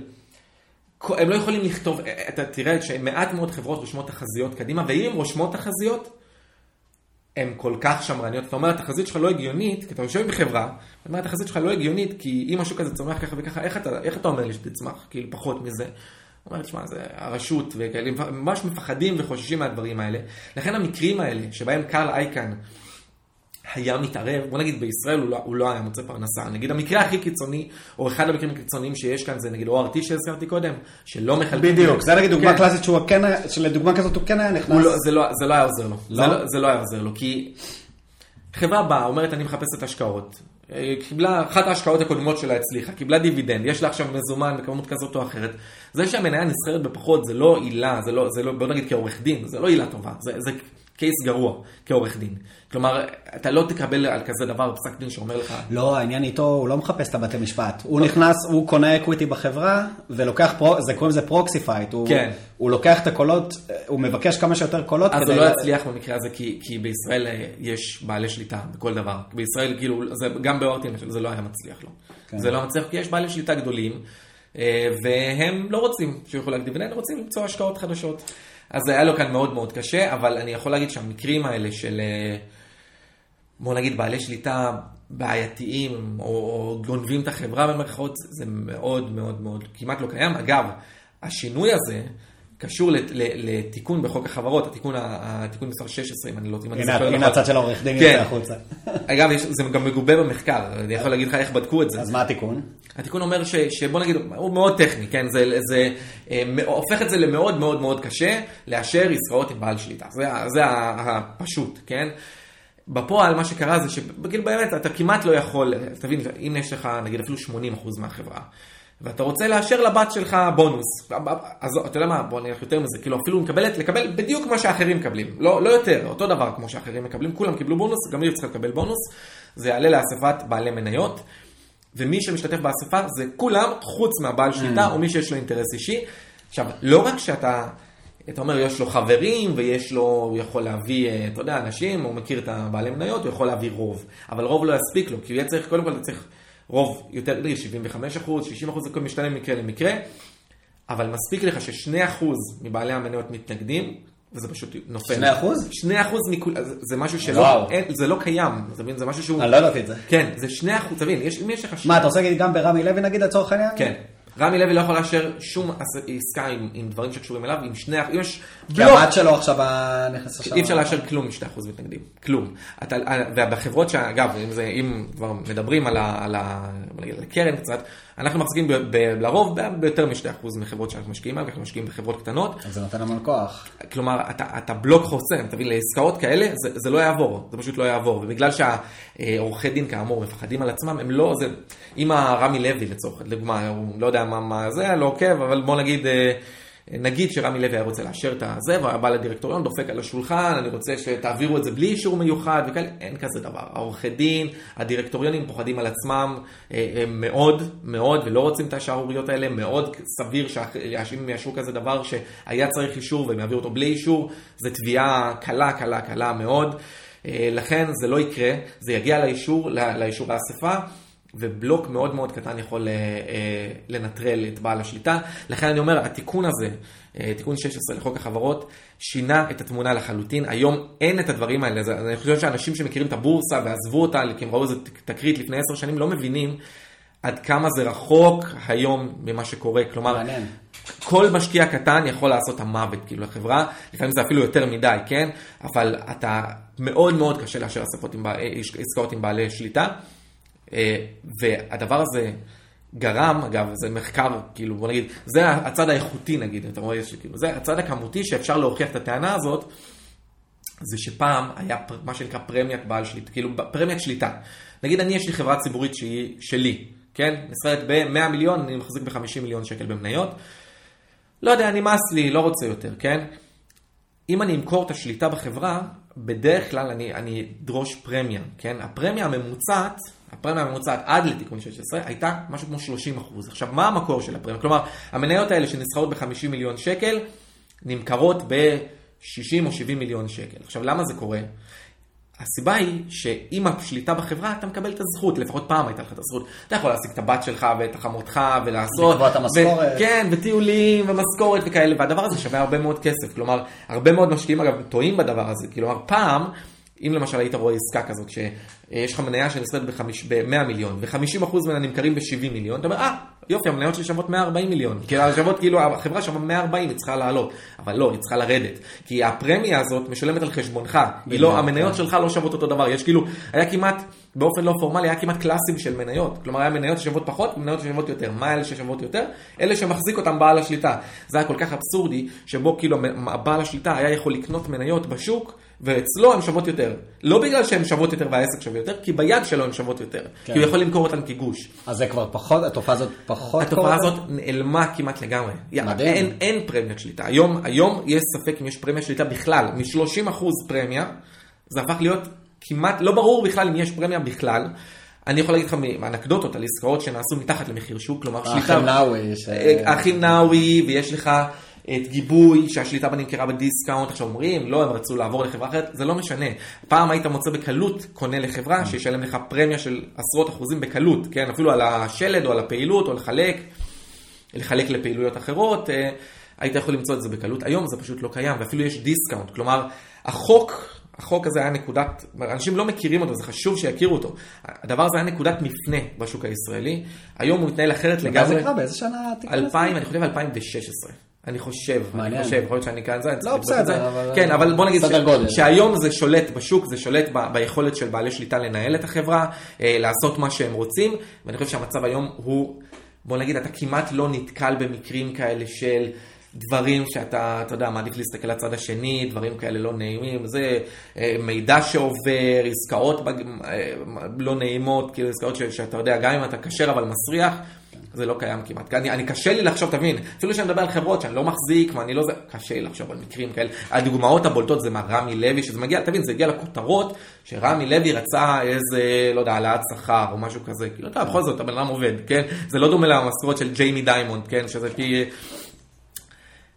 הוא רצה איזה העלאת שכר, זה הגיע לכותרות, לא מספיק כסף יש לו בשביל זה. זה פעם לא היה מגיע לשם, זה היה פשוט משהו שהיה מאוד קל לאשר. כן, אני חושב ש... בוא נגיד, עברנו ממצב שבאמת זה היה... זה קיבל כיסוי מאוד, מאוד נמוך, ובאמת היה שם איזה, איזה משהו שהיה צריך אה, לטפל בו, להיום זה, זה כבר קיצון בצד השני. כן, אבל זה אבל- טוב, המצב היום כן. הוא טוב, המצב היום הוא טוב מאוד. אה, אני רוצה לעבור לשאלה חדשה. כן, אני כן, אנחנו קצת מתבלגנים, אבל אני, כן. אבל לא שיחה טובה, אבל כן, זה אבל בינתיים אנחנו זורם. נוגעים בנקודות מעניינות לדעתי. אני, אני מסכים, אני לגמרי מסכים. שני דברים שאני מאוד הייתי סקרן, אני מאוד סקרן לשמוע את אה, מה שיש לך להגיד, וככה כן. הייתי רוצה לראות שלפחות אנחנו נוגעים בהם, גם אם זה לקצת. אז יש איזה מחשב, אה, אוקיי, אני גם אה, משקיע חובבן, אה, לא מעט שנים, ו, ו, וכמובן אני לא עושה את זה במשרה מלאה, יש לי את, ה, את העבודה ואת העיסוקים שלי, אני עושה את זה באמת בתור תחביב. מהצד, ויש לי איזה אה, אה, תהייה לגבי איך זה נראה מהצד שלך. אה, למשל, אתה עובד מאוד קשה, ובאמת אתה בנית פורטפוליו של היום, גם בקרן וגם אני מניח, או בעבר או היום, גם בתיק האישי שלך, ש, שהוא הוא מאוד אטרקטיבי. ו... המחשבה שלי היא כזאת, בוא נגיד שמישהו היום היה לוחש לך באוזן, שאומר לך, הפורטפוליו עכשיו בקרן, כמו שהוא עכשיו, אתה לא צריך כן. לגעת בו כלום. אם אתה לא נוגע בו עכשיו שלוש שנים, אתה עושה 45 אחוז, year over year. מישהו אומר לך את זה. כן. כי בנית אחלה פורטפוליו, אתה רק צריך לתת כן. לו- אתה רק צריך לתת לו לרוץ. ואז אני מנסה לחשוב, אוקיי, אבל אתה הולך לעבודה כל יום, זאת העבודה שלך, אתה מנהל כספים בקרן, אז, כן. אז יש איזה משהו שגורם לך, יש איזה מין תחושה שהיא מלאכותית, שככל שנעבוד בזה יותר, אולי זה יביא יותר תשואה, אבל זה לאו דווקא נכון. ואז אני מנסה להבין איך זה נראה מהנקודת המבט שלך, כאילו יכול להיות שהאובר התעסקות הזאת היא באיזשהו מקום רק פוגעת בביצועים, ואיך אתה יודע מתי, יכול להיות שפשוט, מה משקיע אמור לעשות? אם היום פשוט התיק שלך במקום טוב, אתה אמור פשוט לשבת עכשיו שני רגליים על השולחן, ללכת לים במשך שנה, ולתת ל- לעסק לעבוד, אז... אז... שאלה טובה. אז אני יכול להגיד לך שאני אה, השקעתי בחו"ל, בעיקר בחו"ל, באמת ה- הידע המוסף שאתה יכול להביא, או הערך המוסף הוא מאוד נמוך. הגעתי למצב שבו אמרתי, אוקיי, זה לא נותן שום דבר שאני מסתכל שוב ושוב ושוב, הייתי פותח, תבין, זה, זה, היום זה נראה לי כאילו כל כך רחוק, אבל זה היה נכון לשעתו, זה נכון לשווקים ההם. הייתי פותח את השוק, את התיק, פעם בשבוע. פעם בשבוע הייתי פותח לראות מה קרה, וגם לא עושה פעולות, כן? כאילו, קורא, רוב השבוע הייתי קורא ובודק, ו, ולא הייתי עושה כאילו כמעט פעולות. היום, וזו באמת נקודה מעניינת ש, שצריך לחשוב עליה, היום זה קשה מאוד לעשות את זה, כי, כי מה קורה? אני עוקב אחרי כל ההודעות במאיה, כן? וקופצים לי דברים כל הזמן. הכל כל הודעה, כל הודעה? זה לא כל כך קשה. יש, אה, בוא נגיד, אה, כמה עשרות- עשרות, ביום. עשרות ביום. זה לא, זה כאילו כל אחד הוא חצי עמוד עמוד, ו- ואני מחפש את מה שיקפוץ לי לעיניים. אגב, לפעמים הדברים שקופצים לך לעיניים זה דברים שאין. אתה מבין? כאילו אין רווח גולמי, אין אה, מה, מה קורה כאן, וצריך לברר. ואז המרוץ שלך הוא באמת לברר בדרכים הכי יצירתיות, אה, ו- ולפעמים זה יכול להיות... טוב, אני עוד פעם הולך לנושא אחר, זה לפעמים יכול להיות מוכר בחנות, שאתה אומר, אה, מה קורה, איך הפדיונות שלכם? זה יכול להיות לרמות כאלה, כאילו של אה, אה, נקודות יצירתיות, כן? אז כשהייתי משקיע בחו"ל זה באמת לא היה נכון, כאילו, לפתוח את המרקע זה לא היה נותן כלום. עכשיו אתה, אתה כל כך, אתה מקבל כל כך הרבה מידע, ולא סתם מידע, יש הרבה רעש, לקרוא, נגיד לפתוח ynet, אני לא מגדיר את זה כמידע, זה, זה כלום, זה אין בזה שום דבר. אבל אתה יודע אה, מה היו, בוא ניקח דוגמה, יוצא עכשיו, אה, שהלמ"ס מוציא שמחירי הדיור עלו בככה וככה בחודש שעבר, והריבית על המשכנתאות היא ככה וככה. זה נתון, כן? זה נתון מידע אמיתי. בארצות הברית, הדבר הזה היה מוביל לתגובה, בול כמו שצריך, אה, זה עולה ככה, מניות נדל"ן ככה, זה בדיוק כמו לפי הספר. בישראל, מת, אין כלום. יכול להיות שאף אחד לא שם לב, אף אחד לא זה. רגע, אתה יכול לחדד איזה תגובה זה אמור להוביל? לתגובה יעילה. תגובה יעילה. זאת אומרת, תגובה של, אה, של שערי המניות כן, בסקטור כל, המתאים. הר... כל הדברים הרלוונטיים קורים מיד בארצות כן. הברית, כאילו במניות הגדולות. אם יצא עכשיו שהאבטלה ירדה בככה וככה, זה מיד ייצור תגובה. עכשיו יכול להיות שהתגובה תהיה עלייה או ירידה, זה לא משנה, כאילו, תהיה תגובה שלך כמשקיע, אה, אפילו, אתה יודע אפילו לא חובבן, מקצועי אפילו, כן? קשה לעשות משהו מעבר אליה, כלומר, אוקיי, זה עלה באחוז, אה, הניתוח שלי מראה שזה היה צריך לעלות אחוז נקודה אחד, כן? אוקיי, big deal. בישראל, במניות הקטנות, וזו הסיבה שאני כל כך אוהב את השוק הזה, כנראה שאף אחד בכלל לא מודע לדבר הזה, אף אחד לא קרא אותו, לפחות אתה לא רואה את זה בעסקאות, אתה לא רואה עסקאות, כלומר, לא, אתה לא רואה שמשהו קרה, ואז יש לך הזדמנות לעשות מהלך. בישראל זה כל כך קיצוני, אני יכול תבין עד כמה זה קיצוני. יש לך מקרים, כמה, כמה השוק בישראל הוא שוק של עבודת כפיים ולא תוכנה או AI, רק שתבין עד כמה. יש לך אה, כתבי אופציות, כן? כתבי אופציות זה כאילו אופציה על מחיר המניה. כלומר, בעולם יעיל, אתה היית מצפה, כאילו שיהיה, זה, אתה יודע, המניה עולה ב-10%, האופציה אמורה לעלות ב-15-20%, כן? יש לך מקרים שנתקלתי בהם, שפתאום הודעה, החברה מוציאה הודעה דרמטית, דרמטית, ש, שמעלה את מחיר המניה בצורה מטורפת, נגיד 30-40 אחוז, למצב שבו האופציה כבר נסחרת אה, אפילו בתוך, מה זה בתוך, כאילו בנאיבי כמעט, באזור של הנאיבי אפילו מתחת לנאיבי. ואתה פותח את ה... אז אתה אומר, זה לא אמור לקרות, כי היא אמורה לעלות יותר. אתה פותח את הבוק, כאילו, של אותה אופציה, ואתה, ואתה רואה שיש שם מוכר מתחת לנאיבי. אתה אומר, עכשיו, אתה, אתה יודע, למדתי אה, כלכלה, למדתי, אה, זה, MBA, דברים כאלה, אתה אומר, זה, לא- זה לא קיים, זה לא יכול להיות, הדבר הזה מתואר, אתה יודע, זה מסלול, אם תגיד את זה, אה, בוא נגיד, למרצה, תגיד לו, תגיד, מה קורה אם זה מתחת לנאיבי? הוא אומר לך, זה לא יכול להיות, זה, זה לא אפשרי. ואתה רואה את זה מול העיניים שלך. עכשיו, איך זה יכול להיות? וזה ההסבר המגוחך, אבל ככל שאני יודע, זה ההסבר. מישהו קם בבוקר, אמר, טוב, בא לי לצאת מזה, שם הוראה במשהו שנראה לו לא הגיוני, אתה מבין, איזה עלייה של 5% ב- באופציה, שם הוראת מכירה והלך לים, כן? הוא לא עקב אחרי ההודעה המאוד מאוד דרמטית, ובן אדם פשוט פותח את הדבר הזה, אומר, אה, אוקיי, קונה, הרוויח, אתה יודע, רווח שהוא, שהוא לא אמור להיות, הדבר הזה לא אמור להיות קיים, אבל הוא קיים, וזו דוגמה שאתה יכול להוכיח מתמטית, כאילו, מתמטית, אתה יכול לממש את האופציות היום, להמיר אותה למניה ולהיות ברווח. הדברים האלה זה רק מראה, ממחיש עד כמה זה לא קיים אגב בשווקים אחרים, בכלל, הדבר הזה אין סיכוי שזה קיים. הדבר הזה הוא רק דוגמה שממחישה לך, והיא דוגמת קיצון, עד כמה באמת אתה מוציא הזדמנויות שהן לפעמים פשוטות. אז היום, אם אני באמת עוקב, אתה יודע, עיתונות כלכלית, דוחות, אה, אה, דיווחים של חברות, אני באמת יכול למצוא משהו, לקרוא משהו לפני שאחרים קראו אותו, ובאמת להרוויח מזה. ולעשות מהלך מהיר. כן. לעשות מהלך, זה, אז אני לא יכול, אתה מבין, בשוק האמריקאי, עזוב, תשכח, אתה קונה תעודות צה"ל, עזוב, אל תסתכל. אבל אם אתה על זה, אתה מוצא דברים שאתה אתה לא, לא אמורים להיות קיימים, אבל קיימים בשוק הישראלי בקטנות, ב, לא מעט. אבל אז זה אומר שאם אין לך מרכיב מזומן בתוך התיק, אתה צריך להיפטר ממשהו כדי לנצל את ההזדמנות. תמיד יש איזה מרכיב, אתה שומר על איזה, בוא נגיד, אה, בוא נגיד, אה, סיכוך כזה בתיק. כאילו אתה צריך שיהיה לך תנועה בין הדברים, אז המזומן הוא כזה, הוא בתנו, בתנאי, בשלבי מעבר תמיד, כן? אוקיי, יש לך איזה... הבנתי. כן. עכשיו, סתם מעניין אותי, אם נגיד היום הייתי אומר לך בתרגיל מחשבתי, שאתה צריך אה, לסחור ואין לך גישה למאיה. כלומר, אתה רק יכול לקבל את הדיווחים, את הדוחות הכספיים ה- הרבעוניים והשנתיים. אה, בכמה היית אומר שזה היה פוגע לך. זה? היה פוגע לא מעט, זה היה כן? פוגע לא מעט. אבל אני יכול לעשות את העבודה שאני עושה בלי קשר, כאילו, כלומר, ללכת, לדבר, לבדוק, כן. אז אה, זה היה בסדר. זה היה בסדר, אבל זה היה קצת משפיע. כן. הרבה דברים הם קורים בטווח... אה, כלומר, אתה נותן הרבה חשיבות לזמן אמת, מה שאתה אומר. בישראל כן, שזה בישראל כן. זה, זה פשוט, נגיד אם אתה משקיע בפייסבוק זה לא יעזור לך, כאילו לקרוא בדיוק בזמן אמת וכאלה, זה, זה כבר מתומחר כנראה. דווקא מתוך כל הניתוחים של המניות שאני, ש, שאני קורא שלך, זה נראה שאתה מאוד אה, משקיע ארוך טווח. בנאלה, בבונה תיכון, בעוד הרבה חברות שכולם יודעים שאתה מאמין כן. בהם. אז, אז דווקא עושה רושם, כאילו משהו פה מפתיע אותי דווקא. כן. שמצד אחד נראה שיש לך אה, ראיית טווח ארוך אה, בכל חברה שאתה מושקע בה, מצד שני אתה אומר שאתה, שאתה ממש ברמת ה-10-50 בבוקר יוצאת תודעה, אתה, אתה תעשה מוב אני. אקרא אותה, אני אקרא אותה, ואולי תעשה- אני אתחיל אתחיל בדיקות.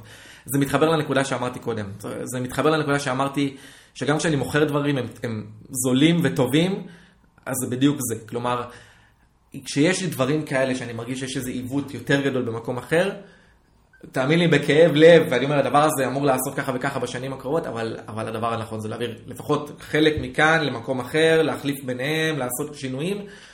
זה דבר נכון, כאילו אני מרגיש שזה נכון בבנייה של התיק, כלומר זה יוצא תיק יותר טוב מזה, כי יש לך עכשיו עוד איזה משהו שלא מתמחרים אותו, כן?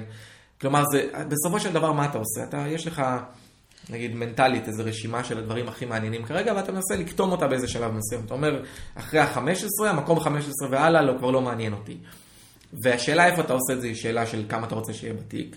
והשאלה של מי נכנס ומי יוצא, היא שאלה קודם כל היא מאוד, אה, בוא נגיד, סובייקטיבית יחסית, אבל אני, אני משתדל לקבל אותה בדרך כמותית ורציונלית, ואיפה אני מעריך שבאמת תבוא התשואה יותר גבוהה. אה, אבל זה לא קל, זה לא קל. יש לך בעצם, אם אתה תיקח את החמש, נגיד יש לי 15 מניות בתיק, אם תיקח את האלה שאני חושב שהן הכי טובות, ה top 5, אתה לא תראה שם מעט מאוד תנועות. מעט מאוד. אתה לא נוגע בהן. כן, אבל האלה שבקצה, בוא נגיד החמש האחרונות, שאני לא בטוח ולא סגור עליהן, כלומר, אם הן צריכות להיות, זה לא שאני לא סגור עליהן, אני לא סגור אם הן צריכות להיות במקום החמש האחריהן, אתה מבין? אז יהיה החלפות. כלומר, כלומר אם... יש בתיק אה, חלק שהוא, בוא נקרא לו אופורטוניסטי, ויש בתיק חלק שהוא ריזיליאנט. אה, לא בדיוק, לא בדיוק. אני אומר שיש, בסופו של דבר, איך שאני חושב על זה, יש דרגת אטרקטיביות לכל מיני. כמה היא מעניינת, סיכוי, סיכון, אפסייד, כמה יש לך, אתה יודע, יכול להיות שהדבר הזה לא יצליח, אבל יש לך הון עצמי שהוא יותר גדול, יותר ממחיר המניה, דברים כאלה. הכל נכנס למין משוואה כזאת שהיא לא כמותית. כלומר, אני לא, אני לא משקיע שאתה פותח אקסל ובונה כאילו משהו ומקבל ציון. אבל אני יודע, אני יודע מה אני מחפש, אני יודע מה, איפה ההזדמנויות, יודע, יש מקרים לא מעטים שאתה, שאתה יוצא מ... לא יודע, פגישה, נגיד שאת, קח דוגמא, עוד פעם, נחזור לנתנאל, כי היא דוגמה כאילו שקל להבין אותה. נגיד שעכשיו יוצאת ההודעה, ואני אומר, אה, אוקיי, מעניין כמה הם ירוויחו, ואני בודק ובודק ומגלה שזה 400 מיליון או 500 מיליון.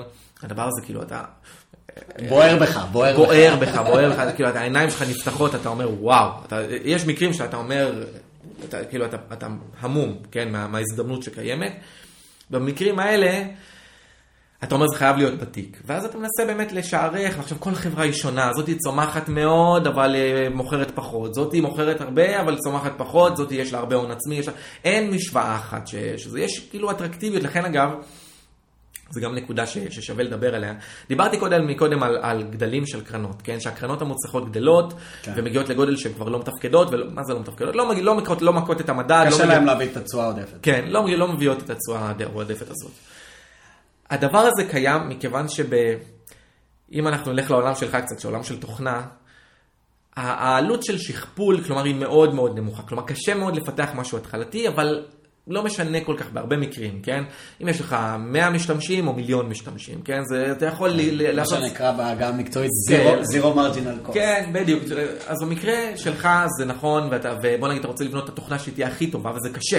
אתה אומר, אתה אומר, אני רוצה לבנות את התוכנה שהיא הכי טובה בשוק מסוים, זה לא שיהיה לך קל. אתה אומר, אה, בגלל שיש לך זירו מרג'ינל קוסט, עכשיו קל לך להיות בזה. יש הרבה תחרות, והתחרות היא בבנייה של האלגוריתמים ובבנייה של התוכנה. זה אגב קיים גם בעולם ההשקעות.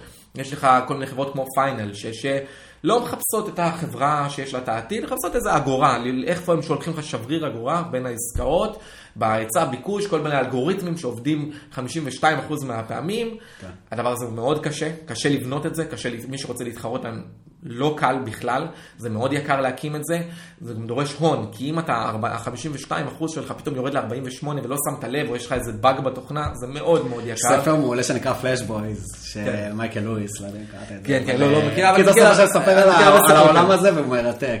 זה עולם קשה, זה עולם קשה מאוד, כל הזמן יש לך אנשים מאוד מוכשרים שמנסים לקחת לך את ה lunch, כאילו מנסים uh, לאכול לך את הארוחת צהריים, מנסים למצוא, אתה מבין שזה מגיע לרמה של כמו הספרי מרגלים, כאילו, הם יודעים, אה, אה, יש כאלה שהמטרה שלהם זה לזהות מה פיינל עושה, לצורך העניין, ולעשות להם counter, כלומר, אם הם יודעים שהם, הם זיהו שהאלגוריתם שלהם מנסה לקנות את זה ולעשות ככה, יותר מ front, הם מנסים לעשות את משהו שעל חשבונם, אתה מבין? זה עולם מאוד מאוד מאוד קשה.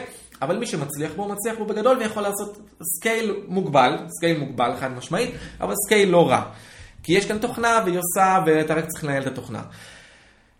מאוד חשוב, אני חושב, בעולם של ההשקעות, זו באמת נקודה שהיא קריטית לאיך שאני רואה אותו היום, חשובה הצניעות, כן? חשובה הצניעות. כי בסופו של דבר, אתה אומר, יש כאן עולם, יש כאן נקודה מסוימת בשוק מסוים, שבו אתה יכול בעזרת עבודה ובעזרת, אתה יודע, מחשבה ויצירתיות ובדיקות וטלפונים, דברים, אתה יודע, של פעם, כן, הכלכלה ישנה, למצוא משהו שהוא באמת נותן לך אדג' אמיתי.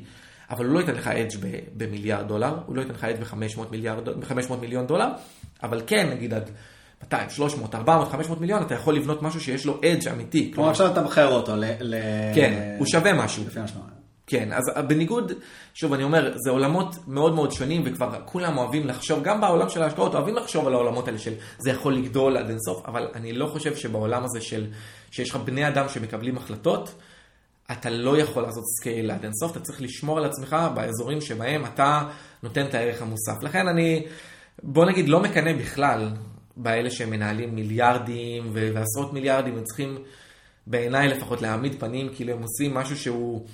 אתה יודע, שונה מאחרים, או זה, האמת היא שבגודל מסוים אתה כבר לא יכול לעשות דברים שהם שונים. אבל יש פה משהו שנגיד אותי מפתיע שאתה אומר את זה, הרי בסופו של דבר זה מרגיש לי שלהיות משקיע טוב, ולדעתי אתה משקיע טוב, זה, זה להבין פרינסיפלס, כלומר, גם בצד של איך לנתח חברה ואת המהלכים שלה ואת המספרים שלה, כמו בנתנאל 90 לעומת זה. עכשיו, אם הייתי לוקח חברה אחרת, שזה לא נתנאל, והכל היה אותו דבר, ובמקום 90 זה היה 900, וברווח הגולמי במקום 500 אה, זה היה 5,000, 5 כן, כן, מיליארד. תכפיל מעט הכל. אז מה, אז, אז אתה חושב שאז לא היית מצליח לעשות את זה? הרי... אז זהו, אז השאלה, השאלה, השאלה כאן, זו שאלה טובה, אז אני אגיד לך בצורה הכי פשוטה בעולם, הדבר הזה... אני רוצה לחדד, כי אז זה אומר שאם היום אתה יודע לעשות דיפלוי ל-100-200 מיליון שקל, אז היית יכול לעשות דיפלוי למיליארדים, וכל המתמטיקה הייתה נשארת. כן, אז התשובה הפשוטה היא, שמעל 500 מיליון עד מיליארד נגיד, מיליארד ניקח את זה כרף עליון, אולי קצת יותר מזה, חברות מעל זה בישראל, הן כבר לא מעניינות, הן כבר מפסיקות להיות מעניינות, אבל אני אומר לך, מתוך מעבר חברה חברה, בשוק אתה מתכוון. הן לא זולות, הן לא, אין להן, אין, לא תמצא את הדבר הזה. מה, מה שתיארת עכשיו, קח חברת נדל"ן שהיא פי ככה וככה מנתנאל, ותחפש דוגמה דומה לזה, אתה לא תמצא. ה- היעילות שם היא... אתה, אתה, אין לך חשק אפילו, אתה יודע, להתעסק עם זה. אני, אני בקשר עם הרבה אנליסטים, יש לך אנליסטים, אה, בוא נגיד, במוסדיים הגדולים שמנתחים רק נדל"ן, והם מתעסקים בחברות האלה, הם מתעסקים בחברות של המיליארד פלוס, זה מה שמעניין אותם. מה שמעניין אותם, העבודה שלהם, וזה חשוב להבין, מי שמתחרה בהם פחות או יותר, למרות שאני לא רואה את עצמי כמתחרה, ואני אסביר גם בדיוק למה. הם בונים טבלה של... אה, בוא נגיד כל מיני מכפילים, מכפילים יצירתיים, מכפיל הון בניטרול נדל"ן להשקעה, כל מיני, כן, כל מיני משחקים כאלה מאוד מורכבים, יצירתיות, כדי לראות מה מהחברות הכי זולות ב top. נגיד אמרנו תל אביב 125, בואו נכלול גם את SME 60, נגיד 180 החברות הגדולות, 200 הגדולות, מתוך 550, כן? אפילו 600 אה, בקרוב. אה, אתה מחפש את החברות שבמכפילים האלה הן נראות הכי מעניינות. ואה, הנה איזה יופי, עזריאלי קצת ירדה, עכשיו היא יותר זולה מזה, עכשיו זאת, זה הפיק שלי, כן? ואתה מדבר עם החברים שלך וזה, ואתה אומר, הנה, ראית, ומה, ושואל את דעתם, אבל אתה משחק במשחקים האלה, במקומות האלה. אתה לא הולך למגרש של, ה, של הילדים, נגיד ככה, או של הקטנים, אה, אה, של החברות הקטנות. אתה לא תפגוש חברה כמו נתנאלי, לא תעניין אותך, אתה לא תתעסק איתה, היא לא באה... היא לא ברדאר שלך, אני, אני הרבה פעמים מנהל שיחות, עכשיו אתה שומע אנליסט, אני, אני בוא נגיד, סוקר הרבה מאוד חברות, כן, עוקב אחרי הרבה מאוד חברות, אבל זה, זה מעבר לעבודה שלי, זה, זה ממש החיים שלי, הייתי אומר. אנליסטים ש, שבוא נגיד הם בעבודה של 9 to 5 וצריכים לנהל, אתה יודע, לעקוב אחרי ענף הנדל"ן, הם משקיעים את המאמצים שלהם ב- בלדעת בדיוק, והם אגב, הם מקצוענים במה שהם עושים, כן? הם יודעים בדיוק הקניון החדש של עזריאלי, מה, מה אפשר לצפות ממנו בהתחשב בזה שפותחים באזור שלו עוד.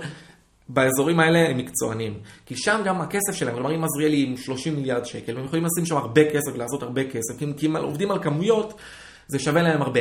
טיפ לצורך העניין, כמו נתנאל, אפילו אם אתה מגיש להם אותו, זה, זה לא ברדאר שלהם, זה לא בדרך העבודה שלהם, לא יודעים אם יוכלו, ייכנסו ולא יודעים אם יוכלו לצאת. הם יעשו את זה רק במקרים מאוד מאוד מאוד ספציפיים. מה שמשאיר את, ה, את, ה, את האזור הזה של מתחת למיליארד, כ... כחשוף, כפתוח, כמערב, כאילו, בוא נגיד, לא יודע, לא יודע מערב פרוע, אבל בוא נגיד בלו אה, אושן כזה. כן, יש שם הרבה הזדמנויות למי שלא מנהל מיליארדים. כן, אבל זה נשמע שבעצם הכל זה ביחס לתשואה שאתה מצפה לקבל. כלומר, אם אני צריך לתרגם את מה שאתה אומר, זה, אתה אומר באזור, ה, באזור של ה-500 מיליון שקל עד מיליארד, יש סיכוי לא מבוטל לעשות תשואה, סתם אני זורק, תתקן אותי במספרים של 30-40 אחוז בשנה, אבל אם היית מגיע למעל מיליארד, זה לא שלא היית יכול להביא תשואה, אבל היא הייתה פחות אגרסיבית. נכון, כלומר, אם תל אביב 125 יודע לתת אה, בממוצע, אני לא יודע מה זה 18 אחוז בשנה, היית יודע לתת 15-20 וזה לא מספיק מעניין, או שזה לא מספיק מעניין אותך, או שזה לא מספיק לדעתך אטרקטיבי. כן, זה נכון, קודם זה כל לא זה ש... נכון. כן. קודם כל השוק באופן כללי, בלי, בלי שום ידע, תזרוק חצים על הלוח ותבחר מניות שמתאימות, בלי, בלי שום מחקר, אתה תעשה כמו, כנראה, כנראה סטטיסטית, ממוצע של 8% בשנה פחות, או אולי קצת יותר, פשוט אולי קצת המ- פחות. המדד. כן, המדד. כלומר, גם בלי, שאתה אתה יכול לכתוב דוקטורטים על עזריאלי ועל הבנקים ועל הכל, בסופו של דבר, גם בלי הרבה חשיבה, זה כנראה פחות או יותר תרוויח. כן? וזה אגב, קטע שהוא... מאוד מעניין, כי הרי כל האנשים שמפחדים מהבורסה ומפחדים מה, מזה והולכים לאג"חים, יכולים להרוויח בלי שום חשיבה ובלי שום אה, השכלה, הרבה, כנראה הרבה מאוד, הרבה יותר, שנה שעברה השוק הישראלי עשה בלי שום, אה, אה, בוא נגיד, בחירה, 30 אחוז, כן? כלומר, זה, זה באמת צורות שהן יפות, גם בלי הרבה, בלי התעסקות כמעט בכלל. אבל עם הרבה משמעת, שמה ש... כן. שהמציאות מוכיחה שזה מאוד מאוד קשה.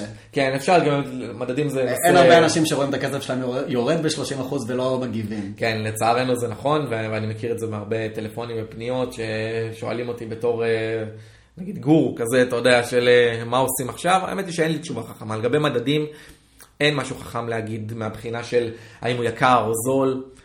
אני ראיתי הרבה מאוד ניתוחים, אה, וראיתי הרבה מאוד ניתוחים נכשלים. כלומר, אני זוכר ניתוחים מ-2010, של למה המדד עכשיו יקרטע עשר שנים, ו- והמדד עשה מאות אחוזים מ-2010. כלומר, המדד בארצות הברית. אה, כלומר, אני יודע שאין בזה הרבה ערך בניתוח של מדדים. הסיבה היא גם שהמדד הוא, בוא נגיד, מישמש של חברות, גם המרכיבים שלו זה כלומר משוואה כל כך מורכבת, כי המרכיבים משתנים. והמשקלים. כן, והמשקלים, זה, זה משוואה שאי אפשר לנתח אותה ומאוד מאוד קשה. אתה צריך להיות מומחה בכל אחת מהחברות האלה, ובתור מי שמתעסק בניתוח של מניות, כל אחת מהחברות ב-S&P זה מאוד מאוד מאוד קשה להכיר אותה יותר טוב מה... בוא נגיד מהקונצנזוס. כן, זה מאוד מאוד מורכב. אה, לכן האזורים כאילו שבהם יש את ה... האזורים שבהם אני מכיר שיש את הערך המוסף הזה, הם באמת חברות קטנות, כאילו של, בוא נגיד בישראל, זה, זה הייתה המקצועיות שלי, אני בטוח שזה קיים גם במקומות אחרים. אבל אתה לא רואה את עצמך אף פעם מגיע למצב שתנהל משהו יותר גדול, שעוד פעם עם ציפיות אחרות, לא עם הציפיות של, ה... של הקרן אה, כמו שהיא היום, אבל כן, אז היום אני באמת מדבר על, על ניסיונות, בוא נגיד, לפחות המטרה שלי, או משהו שייכנס לתיק, צריך להכפיל את עצמו בשנה, שנתיים, לא יותר מזה. הבעיה היא, שברגע שאתה הולך, יש, יש עוד בעיה בעניין הזה, שאתה הולך למניות יותר גדולות. כשאתה הולך לחברות של מיליארד פלוס, אתה נתקל, בוא נגיד לך שאלה מהמציאות, כן? אתה, אתה נתקל במקרה, נגיד בחברה כמו חילן, כן? חברת חילן היא צומחת בנאמר אה, עשרה אחוזים בשנה, היא עושה אה, תלושי שכר, דברים כאלה, תחום שהוא מאוד מאוד סולידי. אה, היא עושה נגיד צומחת בעשרה אחוזים, כי כי היא לא יכולה לצמח יותר מדי בתחום כזה. היא יכולה לעשות רכישות מדי פעם, אבל זה לא קורה יותר מדי. והיא נסחרת במכפיל רווח של נאמר 30, כן? 30, 35. עכשיו היא צומחת, זה נכון, ואם הייתי שואל אותך כמה אתה יכול לצפות מחילן לעשות, התשובה הכי פשוטה אגב, היא, היא פשוט ללכת לפי הצמיחה. אם היא צומחת, איזה משהו שצומח ב-15% בשנה, פחות או יותר אמור לעשות, להתכנס לשם. עכשיו, הבעיה היא שאתה מתחיל עם כזה תמחור, אה, נגיד מכפיל 30, שזה אומר שהתשואה שלך היא 2-3 אחוזים נאיבית, כל בעיה בעסק, כל קרטוע, כל, כל מתחרה חדש, כל, מעכשיו תלושי, אה, בואו ניקח דוגמה, אה, בגלל בעיות אבטחה, תלושי שכר מעכשיו ניתנים בבלוקצ'יין. לך תדע, כאילו, אני, אני באמת, אני, אני צריך לשמור על ראש פתוח. בוא נגיד שזה אפילו לוקח רק כמה אחוזים מהשוק שלה, אבל קצת נוגס לה בצמיחה. הדבר הזה לא שווה מכפיל 30, פתאום הוא שווה מכפיל 10. כלומר, אתה, אתה יכול לאבד כאן 60-70 אחוז מהערך שלך על ציפיות, על שינויים, על אופנות, על אופנות, וזה חשוב להבין. אה, אה, קח את החברות הסולריות, כן? אה, החברות הכי פשוטות בעולם, עושים לך פרויקט סולארי, מרוויחות מהשמש, אתה עושה DCF לכמה שנים, זה, החברות האלה היו הדבר הכי חם בשנות 2020. אנלייט וחבריהם. כן, כן, היו הדבר חם רותח ב-2020. תאמין לי, השמש לא השתנתה מאז, אבל 2021 חברות קרטעו, עד עכשיו מקרטעות חברות, שאני יכול להגיד לך בתור הקרן, כן, אני מדבר בתור הקרן, שחברות ש... אה, כולם חזרו אחריהם, פתאום פונות, אני מקבל פניות כאלה כל הזמן, בוא תשמע, בוא תראה, בוא תראה מה יש עכשיו אגב, יכול להיות שזה מעניין, אני לא יודע, זה משהו שצריך לבחון אותו, אבל זה, זה מראה לך שהחברות האלה, שאתה מכפיל, מתחיל ממכפילים גבוהים, מכפיל 30-40, אתה נתון לאופנות, אתה נתון לשינויים קטנים. אבל, אבל גם חברות קטנות יכולות להיסחר במכפילים. ברור, כאלה. לא, לא, החברות הקטנות מתחילות במכפילים כאלה. עוד פעם, שוב, הדוגמה המייצגת שלנו זה נתנאל. נתנאל, אם היא תרוויח, כאילו, וזה סביר מאוד, כי זה דברים של החודשים הקרובים, שנה, שנתיים הקרובות. אם היא תרוויח את מה שאני חושב שהיא תרוויח, אין לך כאן מקום למשחקים, זה לא משנה. הריבית תעלה, האינפלציה תעלה, אז זה ירד, המחירי דירות ירדו, תקשיב, אפילו בעשרות אחוזים ירדו, זה לא כל כך ישנה את מה שכבר יש להם וקיים, כן? כי כשאתה קונה קרקע ב-90 מיליון ומוכר אותה במיליארד, אז זה פוגע לך ברווח, אבל בוא נגיד, אתה הולך כאן לתרחישי קצה, שגם אם היית אומר אני אהיה סולידי וקונה בנקים או, או דירות או דירה, בתרחיש של ירידת מחירי דירות של עשרות אחוזים, אתה לא תהיה בטוח בשום מקום, בעיקר לא בבנקים, כן, ששוברים עכשיו שיאים כל הזמן. כלומר...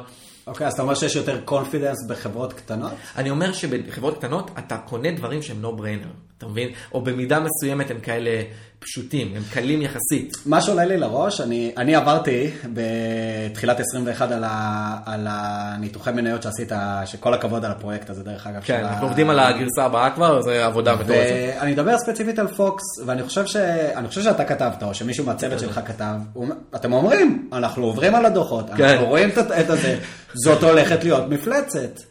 כן. אתם אומרים את זה ויודעים את זה. מה אז, שקרה בפוקס אז, זה באמת נכון, זה דוגמה, דוגמה מצוינת. זה נגיד משהו שאני רוצה לשאול עליו, זאת אומרת, אז מה, עם כל, עם כל הדברים האלה, זה, אתה לא, זאת אומרת, זה לא אופציה?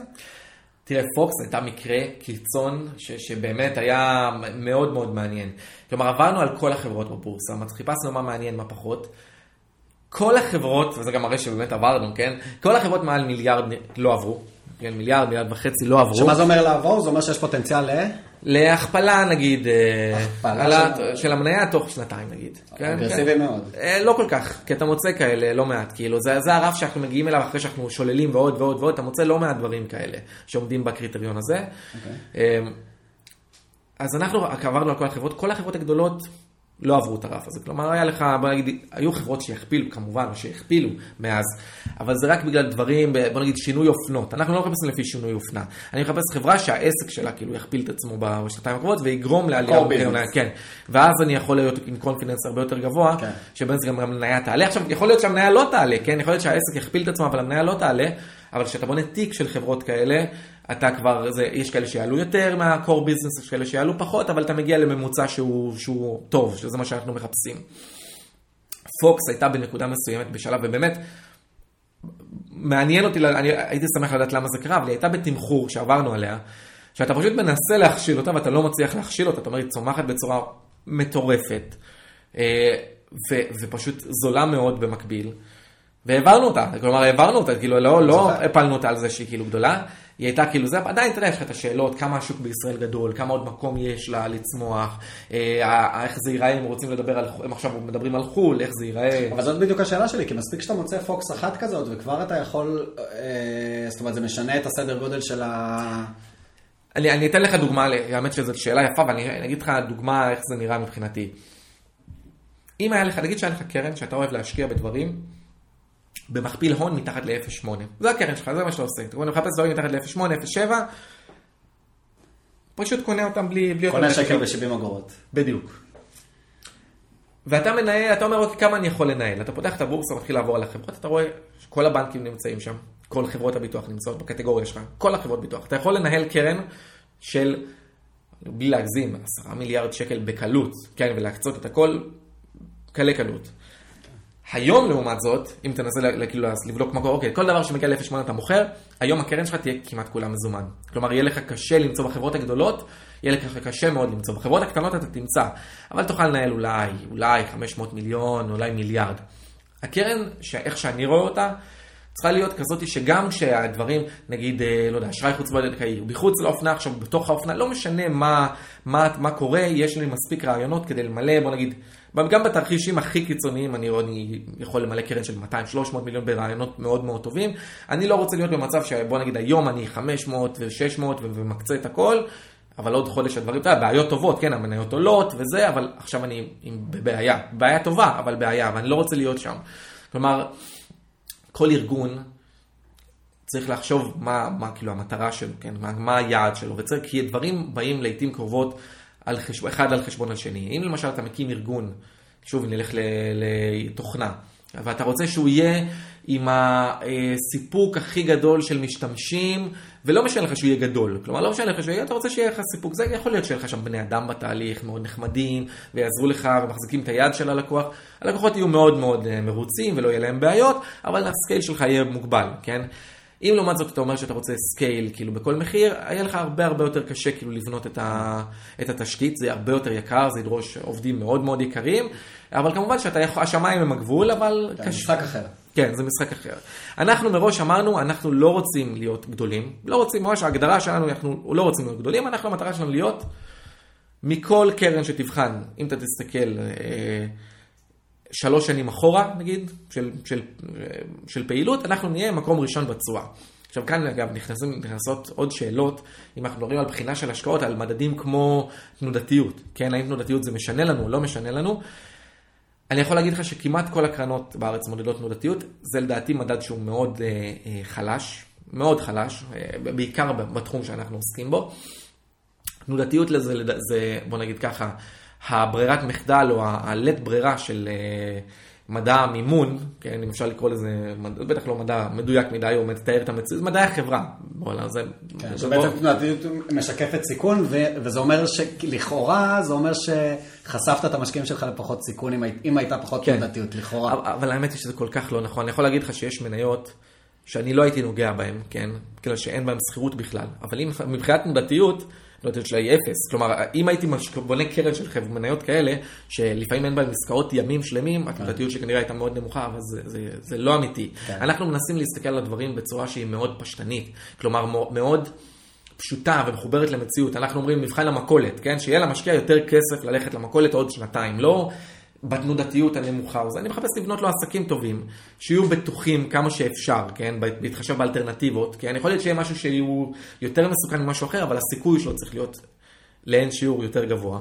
וכשאתה בונה תיק של דברים כאלה, אתה, אתה בוא נגיד, מגיע למעין, אה, אה, אחד מחפה על השני לפעמים, וזה עלה יותר מה-core business והוא עלה פחות, אבל אתה מגיע לאיזה משהו שעובד מאוד מאוד יפה. והמטרה שלנו היא באמת להגיע ל... למקסום של המבחן הזה, של שיהיה למשקיע כמה שיותר כסף עוד שנתיים שלוש ברמת סיכון הכי נמוכה. כן, להשקיע בדברים שאנחנו רגועים איתם, ו- ותאמין לי שיש הרבה דברים שאנחנו לא רגועים איתם. אתה, אתה רואה את עצמך עושה את זה עוד, אה, גם עוד עשר שנים מהיום? זאת אומרת, כן. איך, איך אתה רואה את הדרך המקצועית שלך going forward? שאלה טובה, ושואלים את זה הרבה, כאילו, אני חושב שה... מתבקש בעיני אנשים זה כאילו שאם אני מנהל היום, אה, לא יודע, 100 ומשהו מיליון שקלים, אז אני ארצה עוד ככה עוד אה, כמה שנים לנהל 100 אה, מיליארד שקלים, לא יודע, מיליארד, 2 מיליארד שקלים. האמת היא שזה... בצניעות. כן, בצניעות, לא יודע, חושבים שזה כאילו הכיוון, האמת היא שזה לא... זה לא מה שאני רוצה, זה לא מה שאני קם בשבילו בבוקר. אני קם בבוקר, יש לי המון המון מוטיבציה, המוטיבציה שלי אבל היא להיות הקרן הכי טובה, כאילו מבחינת הביצועים, להיות, אה, אנחנו גם בקשר אה, עם המשקיעים, קשר מצוין, אנחנו, זה גם מאוד מאוד חשוב. כלומר, זה שאתה לא גדול, אתה גם יכול לשמור על יחס אישי, וזה צריך את היחס אישי, זה נשמע, אתה יודע, בעולם שהוא כל כך כמותי ומתמטי, זה נשמע, מה, מה קשור יחס אישי, אבל יחס אישי זה קריטי, כי, אתה, כי המשקיעים שלך זה, זה חלק מהעסק של הקרן, כלומר, אתה צריך, ש... אתה, העסק שלך הוא... הוא ללוות אותם, לגרום שהם לא יעשו טעויות, כן, שהם לא יעשו את המהלך הלא נכון, זה חלק מהעסק שלך, כי אתה צריך שהמשקיעים, של... העיקר של העסק הוא של המשקיעים בקרן יהיה הכי טוב שיכול להיות, כלומר שאפשר לתת להם כמה שיותר, מכל הבחינות, מכל מה שקשור לעולם הזה הכלכלי, החל משאלות מה יקרה עם רוסיה ואוקראינה ואיך אנחנו מכינים את עצמנו, וכלה בשאלות הציעו לי אופציות בחברה שאני נכנס אליה, מתי היית לוקח, לא היית לוקח, שאלות כאלה ש... כל דבר שהוא פיננסי, אנחנו נותנים, אני והשותף שלי אילן, שהוא בכלל מאוד מאוד חזק בצד אה, הפנסיוני, והבנקים מאוד מאוד אה, עוזר ללקוחות בתחום הזה. אנחנו עושים את זה כסיוע, אנחנו לא לוקחים על זה כסף כמובן, כי אנחנו חושבים שבעולם הפיננסי שהוא כל כך מבלבל למשקיעים, זה מה שהם צריכים, זה מה שהם צריכים. הם לא צריכים מישהו שאתה שם חשבון, אתה זורק עליו כסף והוא אומר לך, טוב, נתראה עוד כמה שנים, נראה מה יהיה, ולפעמים נועל אותך, ולפעמים זה... אנחנו חושבים שמשקיעים צריכים לקבל, אה, בוא נגיד, מעטפת כזאת ש...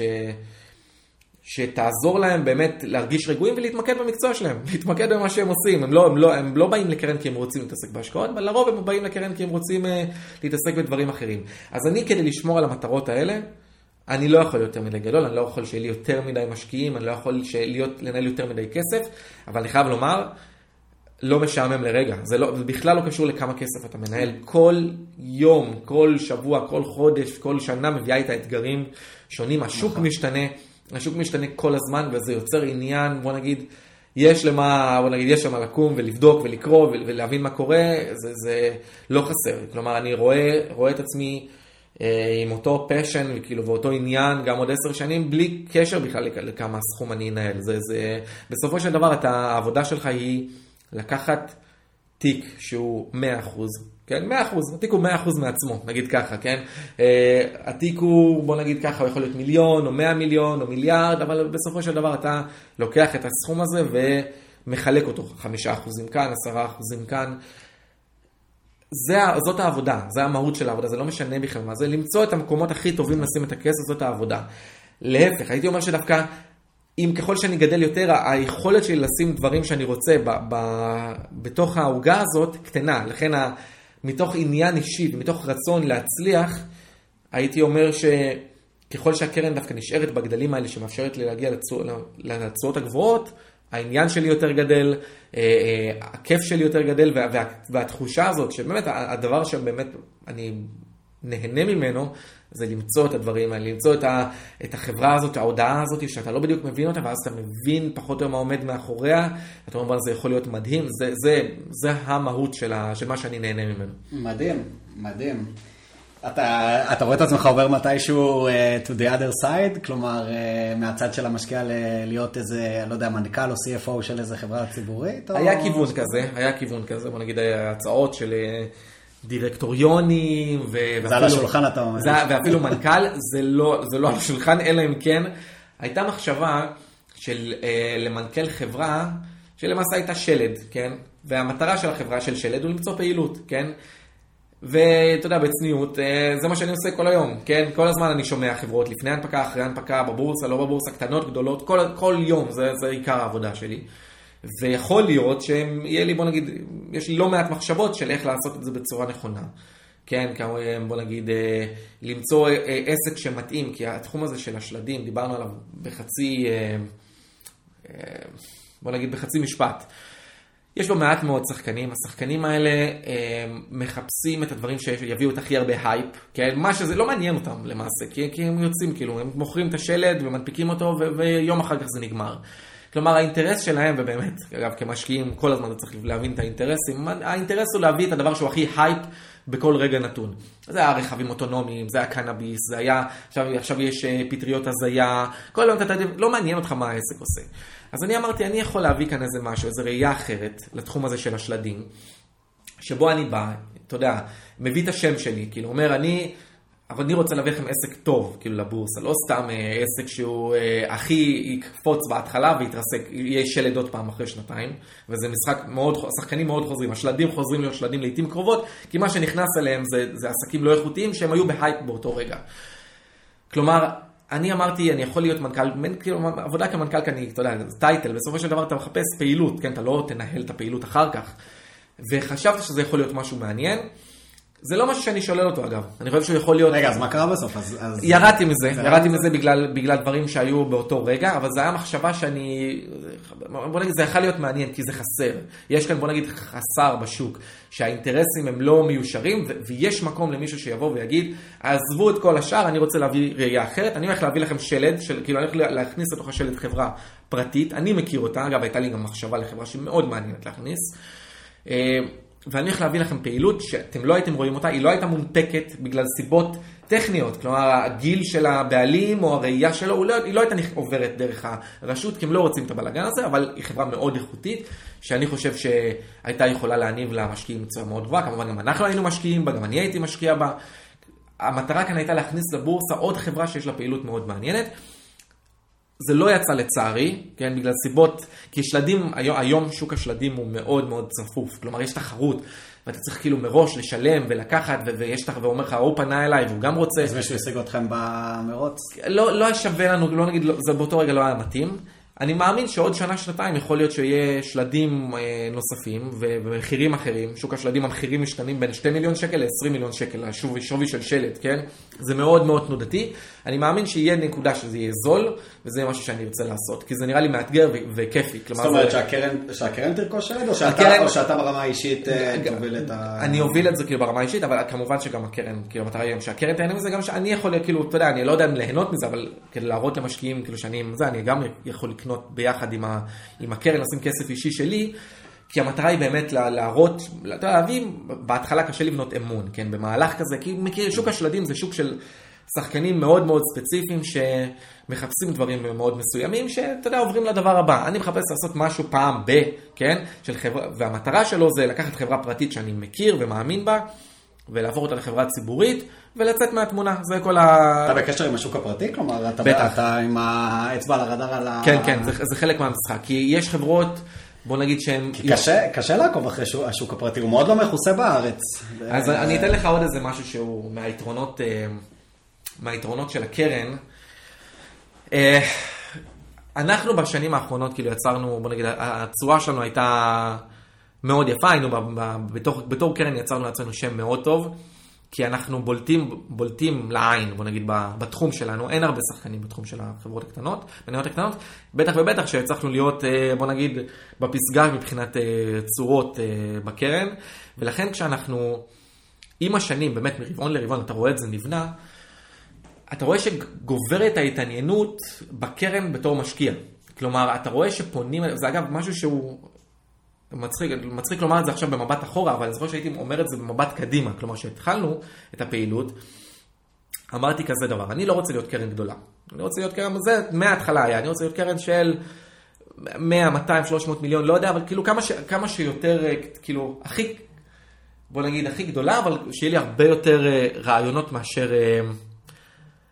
אה, מאשר כסף להשקיע. כלומר, אני רוצה שיהיה לי יחס בערך פי חמישה יותר רעיונות, מאשר אה, אה, כסף שאני יכול להשקיע, ואז אתה נאלץ לבחור את הדברים הכי טובים.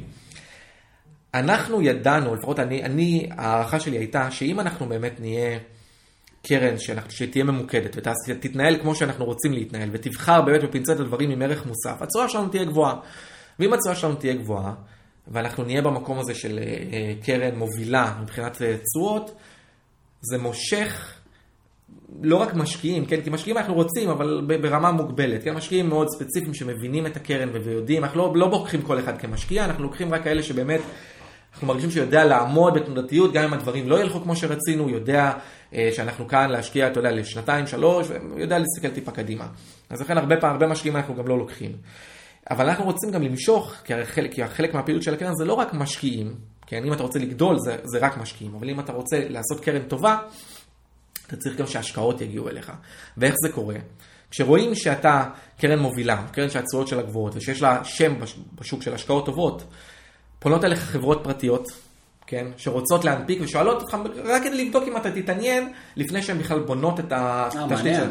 זה קורה, אגב, זה משהו ש, שהייתה לי תחושה שיקרה. אם תלך, למה שדיברנו על וורן באפט קודם, וורן באפט היה לו ב-2008 את האירוע שבאמת השפיע עליי מאוד, אני השקעתי בבנק אוף אמריקה באותה תקופה, שהוא היה מאוד מאוד נמוך.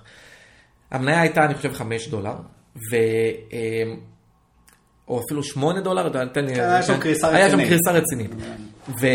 והמנכ"ל אה, אה, של בנק אוף אמריקה בא, כאילו, בא לדירקטוריון ועשה הקצאה פרטית, מה שאנחנו מכירים בישראל, כן, אבל הוא עשה את אותו דבר לוורן באפט עצמו. כן, עכשיו הוא אמר, למה הוא עשה את זה? הוא אמר, השוק לא מבין אותנו, הוא לא מבין שהמצב הרבה יותר טוב ממה שהוא נראה, אז בואו אני אכניס איזה מישהו שיביא חותמת, כן, חותמת כמשקיע מוכר. עשו הקצאה לוורן באפט, נתנו לו עסקה שהיא באמת עסקה מוטרפת, נתנו לו אופציות בחינם, נתנו לו מניות בדיסקאונט, כלומר נתנו לו כל מה שהוא עשה. היה שם גם מניות בכורה עם דיבידנד מובטח. כן, כן, כן, בדיוק, בדיוק, נתנו לו מניות, משהו שהוא כאילו אי אפשר לסרב לו. כן. הוא למעשה, אתה יודע, לקח את השם שלו, את השם הטוב שלו, ואמר, אוקיי, אני בחנתי את החברה לצורך העניין, ואני מוכן לשים את השם שלי שהחברה הזאת תהיה השקעה לא רעה במחיר שהיא הייתה.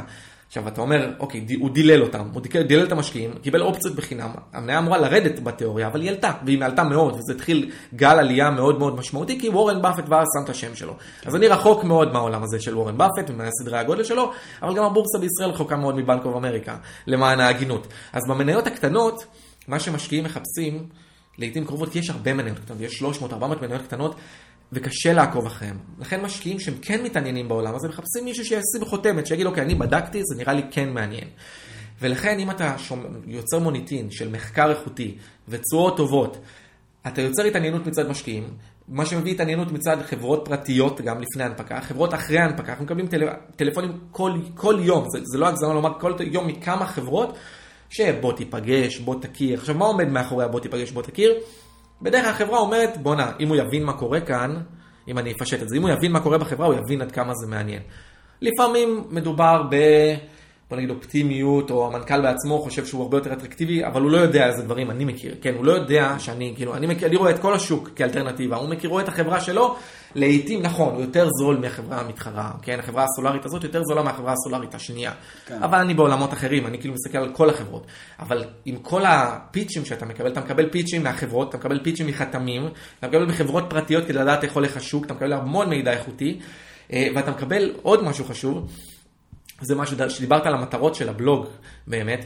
המטרה הראשונית של הבלוג היה, הייתה, זה יהיה מצחיק, אבל למצוא אם אני, אם אני השתגעתי, כן, פחות או יותר, לראות אם, אם התחרפנתי או שאני לא רואה משהו, כי אני מצאתי השקעה, אתה יודע, שוהם זה באמת ההשקעה הראשונה או השנייה שכתבתי עליה, ואמרתי, רגע, יש כאן משהו שהוא כל כך זול ברמה לא הגיונית, שבואו רק תגידו לי שאני טועה, כן, בואו תכתבו לי בתגובות, אה, אתה לא הסתכלת, לא, לא, השת, לא התחשבת בשכר של ההוא, לא זה הייתה, כאילו, זה מה שחשבתי שהולך לקרות. ו- וזה לא קרה, וזה לא קרה, אמרתי אוקיי זה באמת כל כך זול, ואז עשיתי תשואה מאוד גבוהה על אותה השקעה, וכתבתי על עוד השקעה, וחיפשתי שמישהו יגיד לי שאני טועה, וזה לא קרה עוד פעם, כלומר, גיליתי ש- שהמחקר שעשיתי היה כאילו, הוא היה כנראה טוב, כן, כי ההצלחות גם באו אחת אחרי השנייה, והוא היה כאילו איכותי, כן. והצליח להגיע למטרה, וכשאתה פותח משהו לביקורת פומבית, אתה הכי יכול לצפות, בטח בישראל, כן, אתה הכי יכול לצפות ש- שיבואו ויורידו כן. עליך את המים. ואני באופן, אגב, מכוון, לא, לא סיננתי שום תגובה בכלל, כלומר, כל תגובה שהייתה אישרתי, גם כאלה, אתה יודע, לא במקום ולא כאלה, רק חיפשתי את מישהו שיבקר אותי, וגיליתי ש, שאתה בא ואתה מכיר חברות יותר מכל אחד אחר, ואתה, אם אתה משקיע אפילו כמה שבועות או ימים של מחקר, אתה, אין מישהו שיבוא ויגיד לך, אה, לא הבנת משהו, או לא זה, כי אין, זה לא קיים, השוק בישראל הוא כל כך דליל, שלפעמים יש אנשים, שיש חברות שאף אחד לא מכיר אותן. עכשיו, כמו שאני הייתי עושה את זה אז, כמשקיע פרטי, יש הרבה משקיעים פרטיים ששמים פוקוס מסיבה כזאת או אחרת על חברה מסוימת ומזהים בה משהו. עכשיו שאנחנו בתור קרן שידועה בתחום הזה, של חברות קטנות יותר, פונים אליי לא רק חברות, לא רק חתמים, פונים אליי גם משקיעים. משקיע שזיהה שיש הזדמנות מאוד מאוד משמעותית בחברה מסוימת. פרטית או ציבורית? ציבורית. ציבורית. הוא, אבל משקיע, כאילו משקיע פרטי קטן, הוא יש לו אינטרס שתהיה התעניינות בחברה, כן? שיבואו ויכירו אותה, כן? לפעמים אני מקבל ממש, אתה יודע, PDFים, או, אקסלים, כאילו מוכנים, אתה יודע, מודל של החברה, ממה שכתב אותה משקיע פרטי, והוא לא, לא, לא שלח אותה לאף אחד, כי הוא רוצה בוא תבדוק אם אני, או שהוא אומר לי בוא תבדוק אם אני טועה. מעניין. כן? או בוא תבדוק אם זה מעניין אותך. ולפעמים פה ושם אתה מוצא דברים מעניינים. אני חושב שזה מאוד מפתיע. יש משקיעים פרטיים שמעולם לא עבדו בשום אה, גוף מוסדי, והם לא פראיירים לא בכלל בלשון המעטה. לא פראיירים בכלל, אני, אני, בוא נגיד, האנשים האלה שאני מזהה שהם כאלה, אני דואג לשמור אותם. זה מעניין, קרוב, כן. שיש אה, אנשים ש... אני שמח, אגב, יש כאן אה, העשרה מאוד מאוד... מאוד מאוד הדדית, כי אני בעצמי הייתי כזה, אני בעצמי הייתי משקיע שמנסה למצוא רמזים וכאלה, ולא הייתה לי גישה לחברות. אני, בוא נגיד, אם מישהו בא אליי, נגיד, ניקח מקרה כזה, שולח לי רעיון, שולח את זה, מסביר לי, אני יכול לקחת אותו איתי, וזה מה שקורה, לקחת אותו איתי לפגישה עם החברה. כן, זה ווין, הוא כאילו, אתה יודע, לא, לא הצליח להשיג לי פגישה עם החברה, אני לוקח אותו איתי, הוא שואל את השאלות, זה, זה מקדם אותו, זה נותן לו גם רשת של קשרים, אני שמח לעזור למשקיעים כאלה, כן? מדהים. אני חושב שזה מאוד מעשיר וזה טוב לכולם, כן? אז אני מקבל את כל המידע הזה, לכן זה גם, אתה יודע, לדבר על לנתק את ה... אה, לנתק את עצמי מהחדשות, לנתק, זה, זה לא כל כך ריאלי, כי אתה מקבל דברים כל כך איכותיים, מידע כל כך איכותי ממשקיעים אחרים ומההודעות, ואתה מקבל את זה, וזה רק מחזק את עצמו, כי כשאתה מוצא משקיע, השקעות טובות, התשואה שלך טובה. כשאתה שומע, כשאתה... התשואה שלך טובה, יותר משקיעים רוצים להיות לידך, רוצים להציע לך רעיונות, שתבדוק אותם אם הם טועים, רוצים להכניס אותך לחברה כמו שבאפט עשה, אז גם אני מקבל הצעות כל הזמן על הקצאות פרטיות או הנפקות, והדבר הזה נותן אלפא, כאילו זה ערך, אתה מקבל... זה, זה בדיוק המעגל הזה שמאכיל את כן, עצמו. כן, זה מאכיל את עצמו. ואתה צריך, איך אתה עכשיו שובר את ה flywheel הזה, איך אתה, מה אתה צריך לדאוג שלא יקרה? אתה צריך שלא יהיה טעויות גדולות, אתה צריך שלא יהיה... לא להשקיע בשטויות כי רק אם מציעים לך הנחה, אה, לא לעשות, אה, לשמור על הניתוח האיכותי, להיות קפדני, לא לגדול יותר מדי. עכשיו אני יכול לגדול בקלות. אני אם הייתי עכשיו הולך לשוק ואומר להם, תשמעו חבר'ה, אנחנו מקום ראשון בתשואות וזה, בואו כאילו, היה לי קל לגדול, כן. קל, אבל אני לא רוצה, אני באמת לא, אתה יודע, אני נבחן כאן. אני חושב שהייתי אומר את זה, שאני לא רוצה לגדול יותר מדי, אמרו לי כן, אבל יביאו לך כסף, אתה לא, כאילו, אתה לא תגיד לא. אני יכול להגיד לך שאני לא אומר לא, חד משמעית, לא פעם ולא פעמיים, גם כשמשקיעים כן רצו להיכנס וקיבלנו אותם, או רצו להשקיע, לא יודע, סכום מסוים, אמרנו להם תשקיע חצי מזה, או רבע מזה, כי אני רוצה, אני מעדיף ככה, כאילו, מעדיף מבחינת גודל שזה יהיה ככה, ושלהיות פיזור מבחינת המשקיעים, אבל לא רוצה שתהיה גדול מדי. ובוא נגיד, אז אני שמח גם שעברתי את המבחן הזה. אז המטרה שלנו, שוב, וזה באמת ה flywheel הזה, אם אתה קרן שעושה השקעות טובות ויש לה אנליזה טובה, אתה תביא תשואות טובות. אם תהיה בגודל הנכון, כן? תביא תשואות טובות. תביא תשואות טובות, השם שלך נבנה, זה מביא אליך עד הדלת השקעות טובות, כן? עולה לך השקעות טובות ש... שאי אפשר לעשות אותן. כלומר, גם אני כמשקיע לא יכול לעשות אותן, כי אין לי, אתה צריך את הקרן, אתה צריך להיות בהגדרה של משקיע מוסדי, שזה מעל 50 מיליון, אתה צריך שירצו אותך, שהחתמים יעריכו אותך, זה דברים שנבנים, וזה נבנה, זה רק מתגבר משנה לשנה, כן? זה מתגבר דרמטית משנה לשנה, כמות הצעות שאנחנו מקבלים. והדבר הזה בונה את עצמו, כלומר, במקום לעשות את הטעות, את הטעות הזאת של לעשות שנה, שנתיים טובות, לגדול ולהתחיל לקרטע, ואתה יודע, לקבל דמי ניהול וזהו, אני רוצה להישאר בגודל הזה, להיות הכי טוב, כאילו להיות זה שיודעים כאילו שהוא עושה השקעות טובות ושיש לו את הערך המוסף שלו ואת האנליזה שלו, ומשם מגיעות עוד השקעות, מגיעות מה שהן ביצועות, וחוזר חלילה. זה, זה הכיף שלי, זה כאילו, זה הדבר שרצינו, כיוונו עליו כ, אה, כקרן, ואנחנו מתחילים, אנחנו שם וזה מתגבר. מדהים, מדהים. אה, אני חושב שלצערי אני אומר את זה, אנחנו מתקרבים לסיום הפרק. וואו, אה, עשינו, אני חושב ש...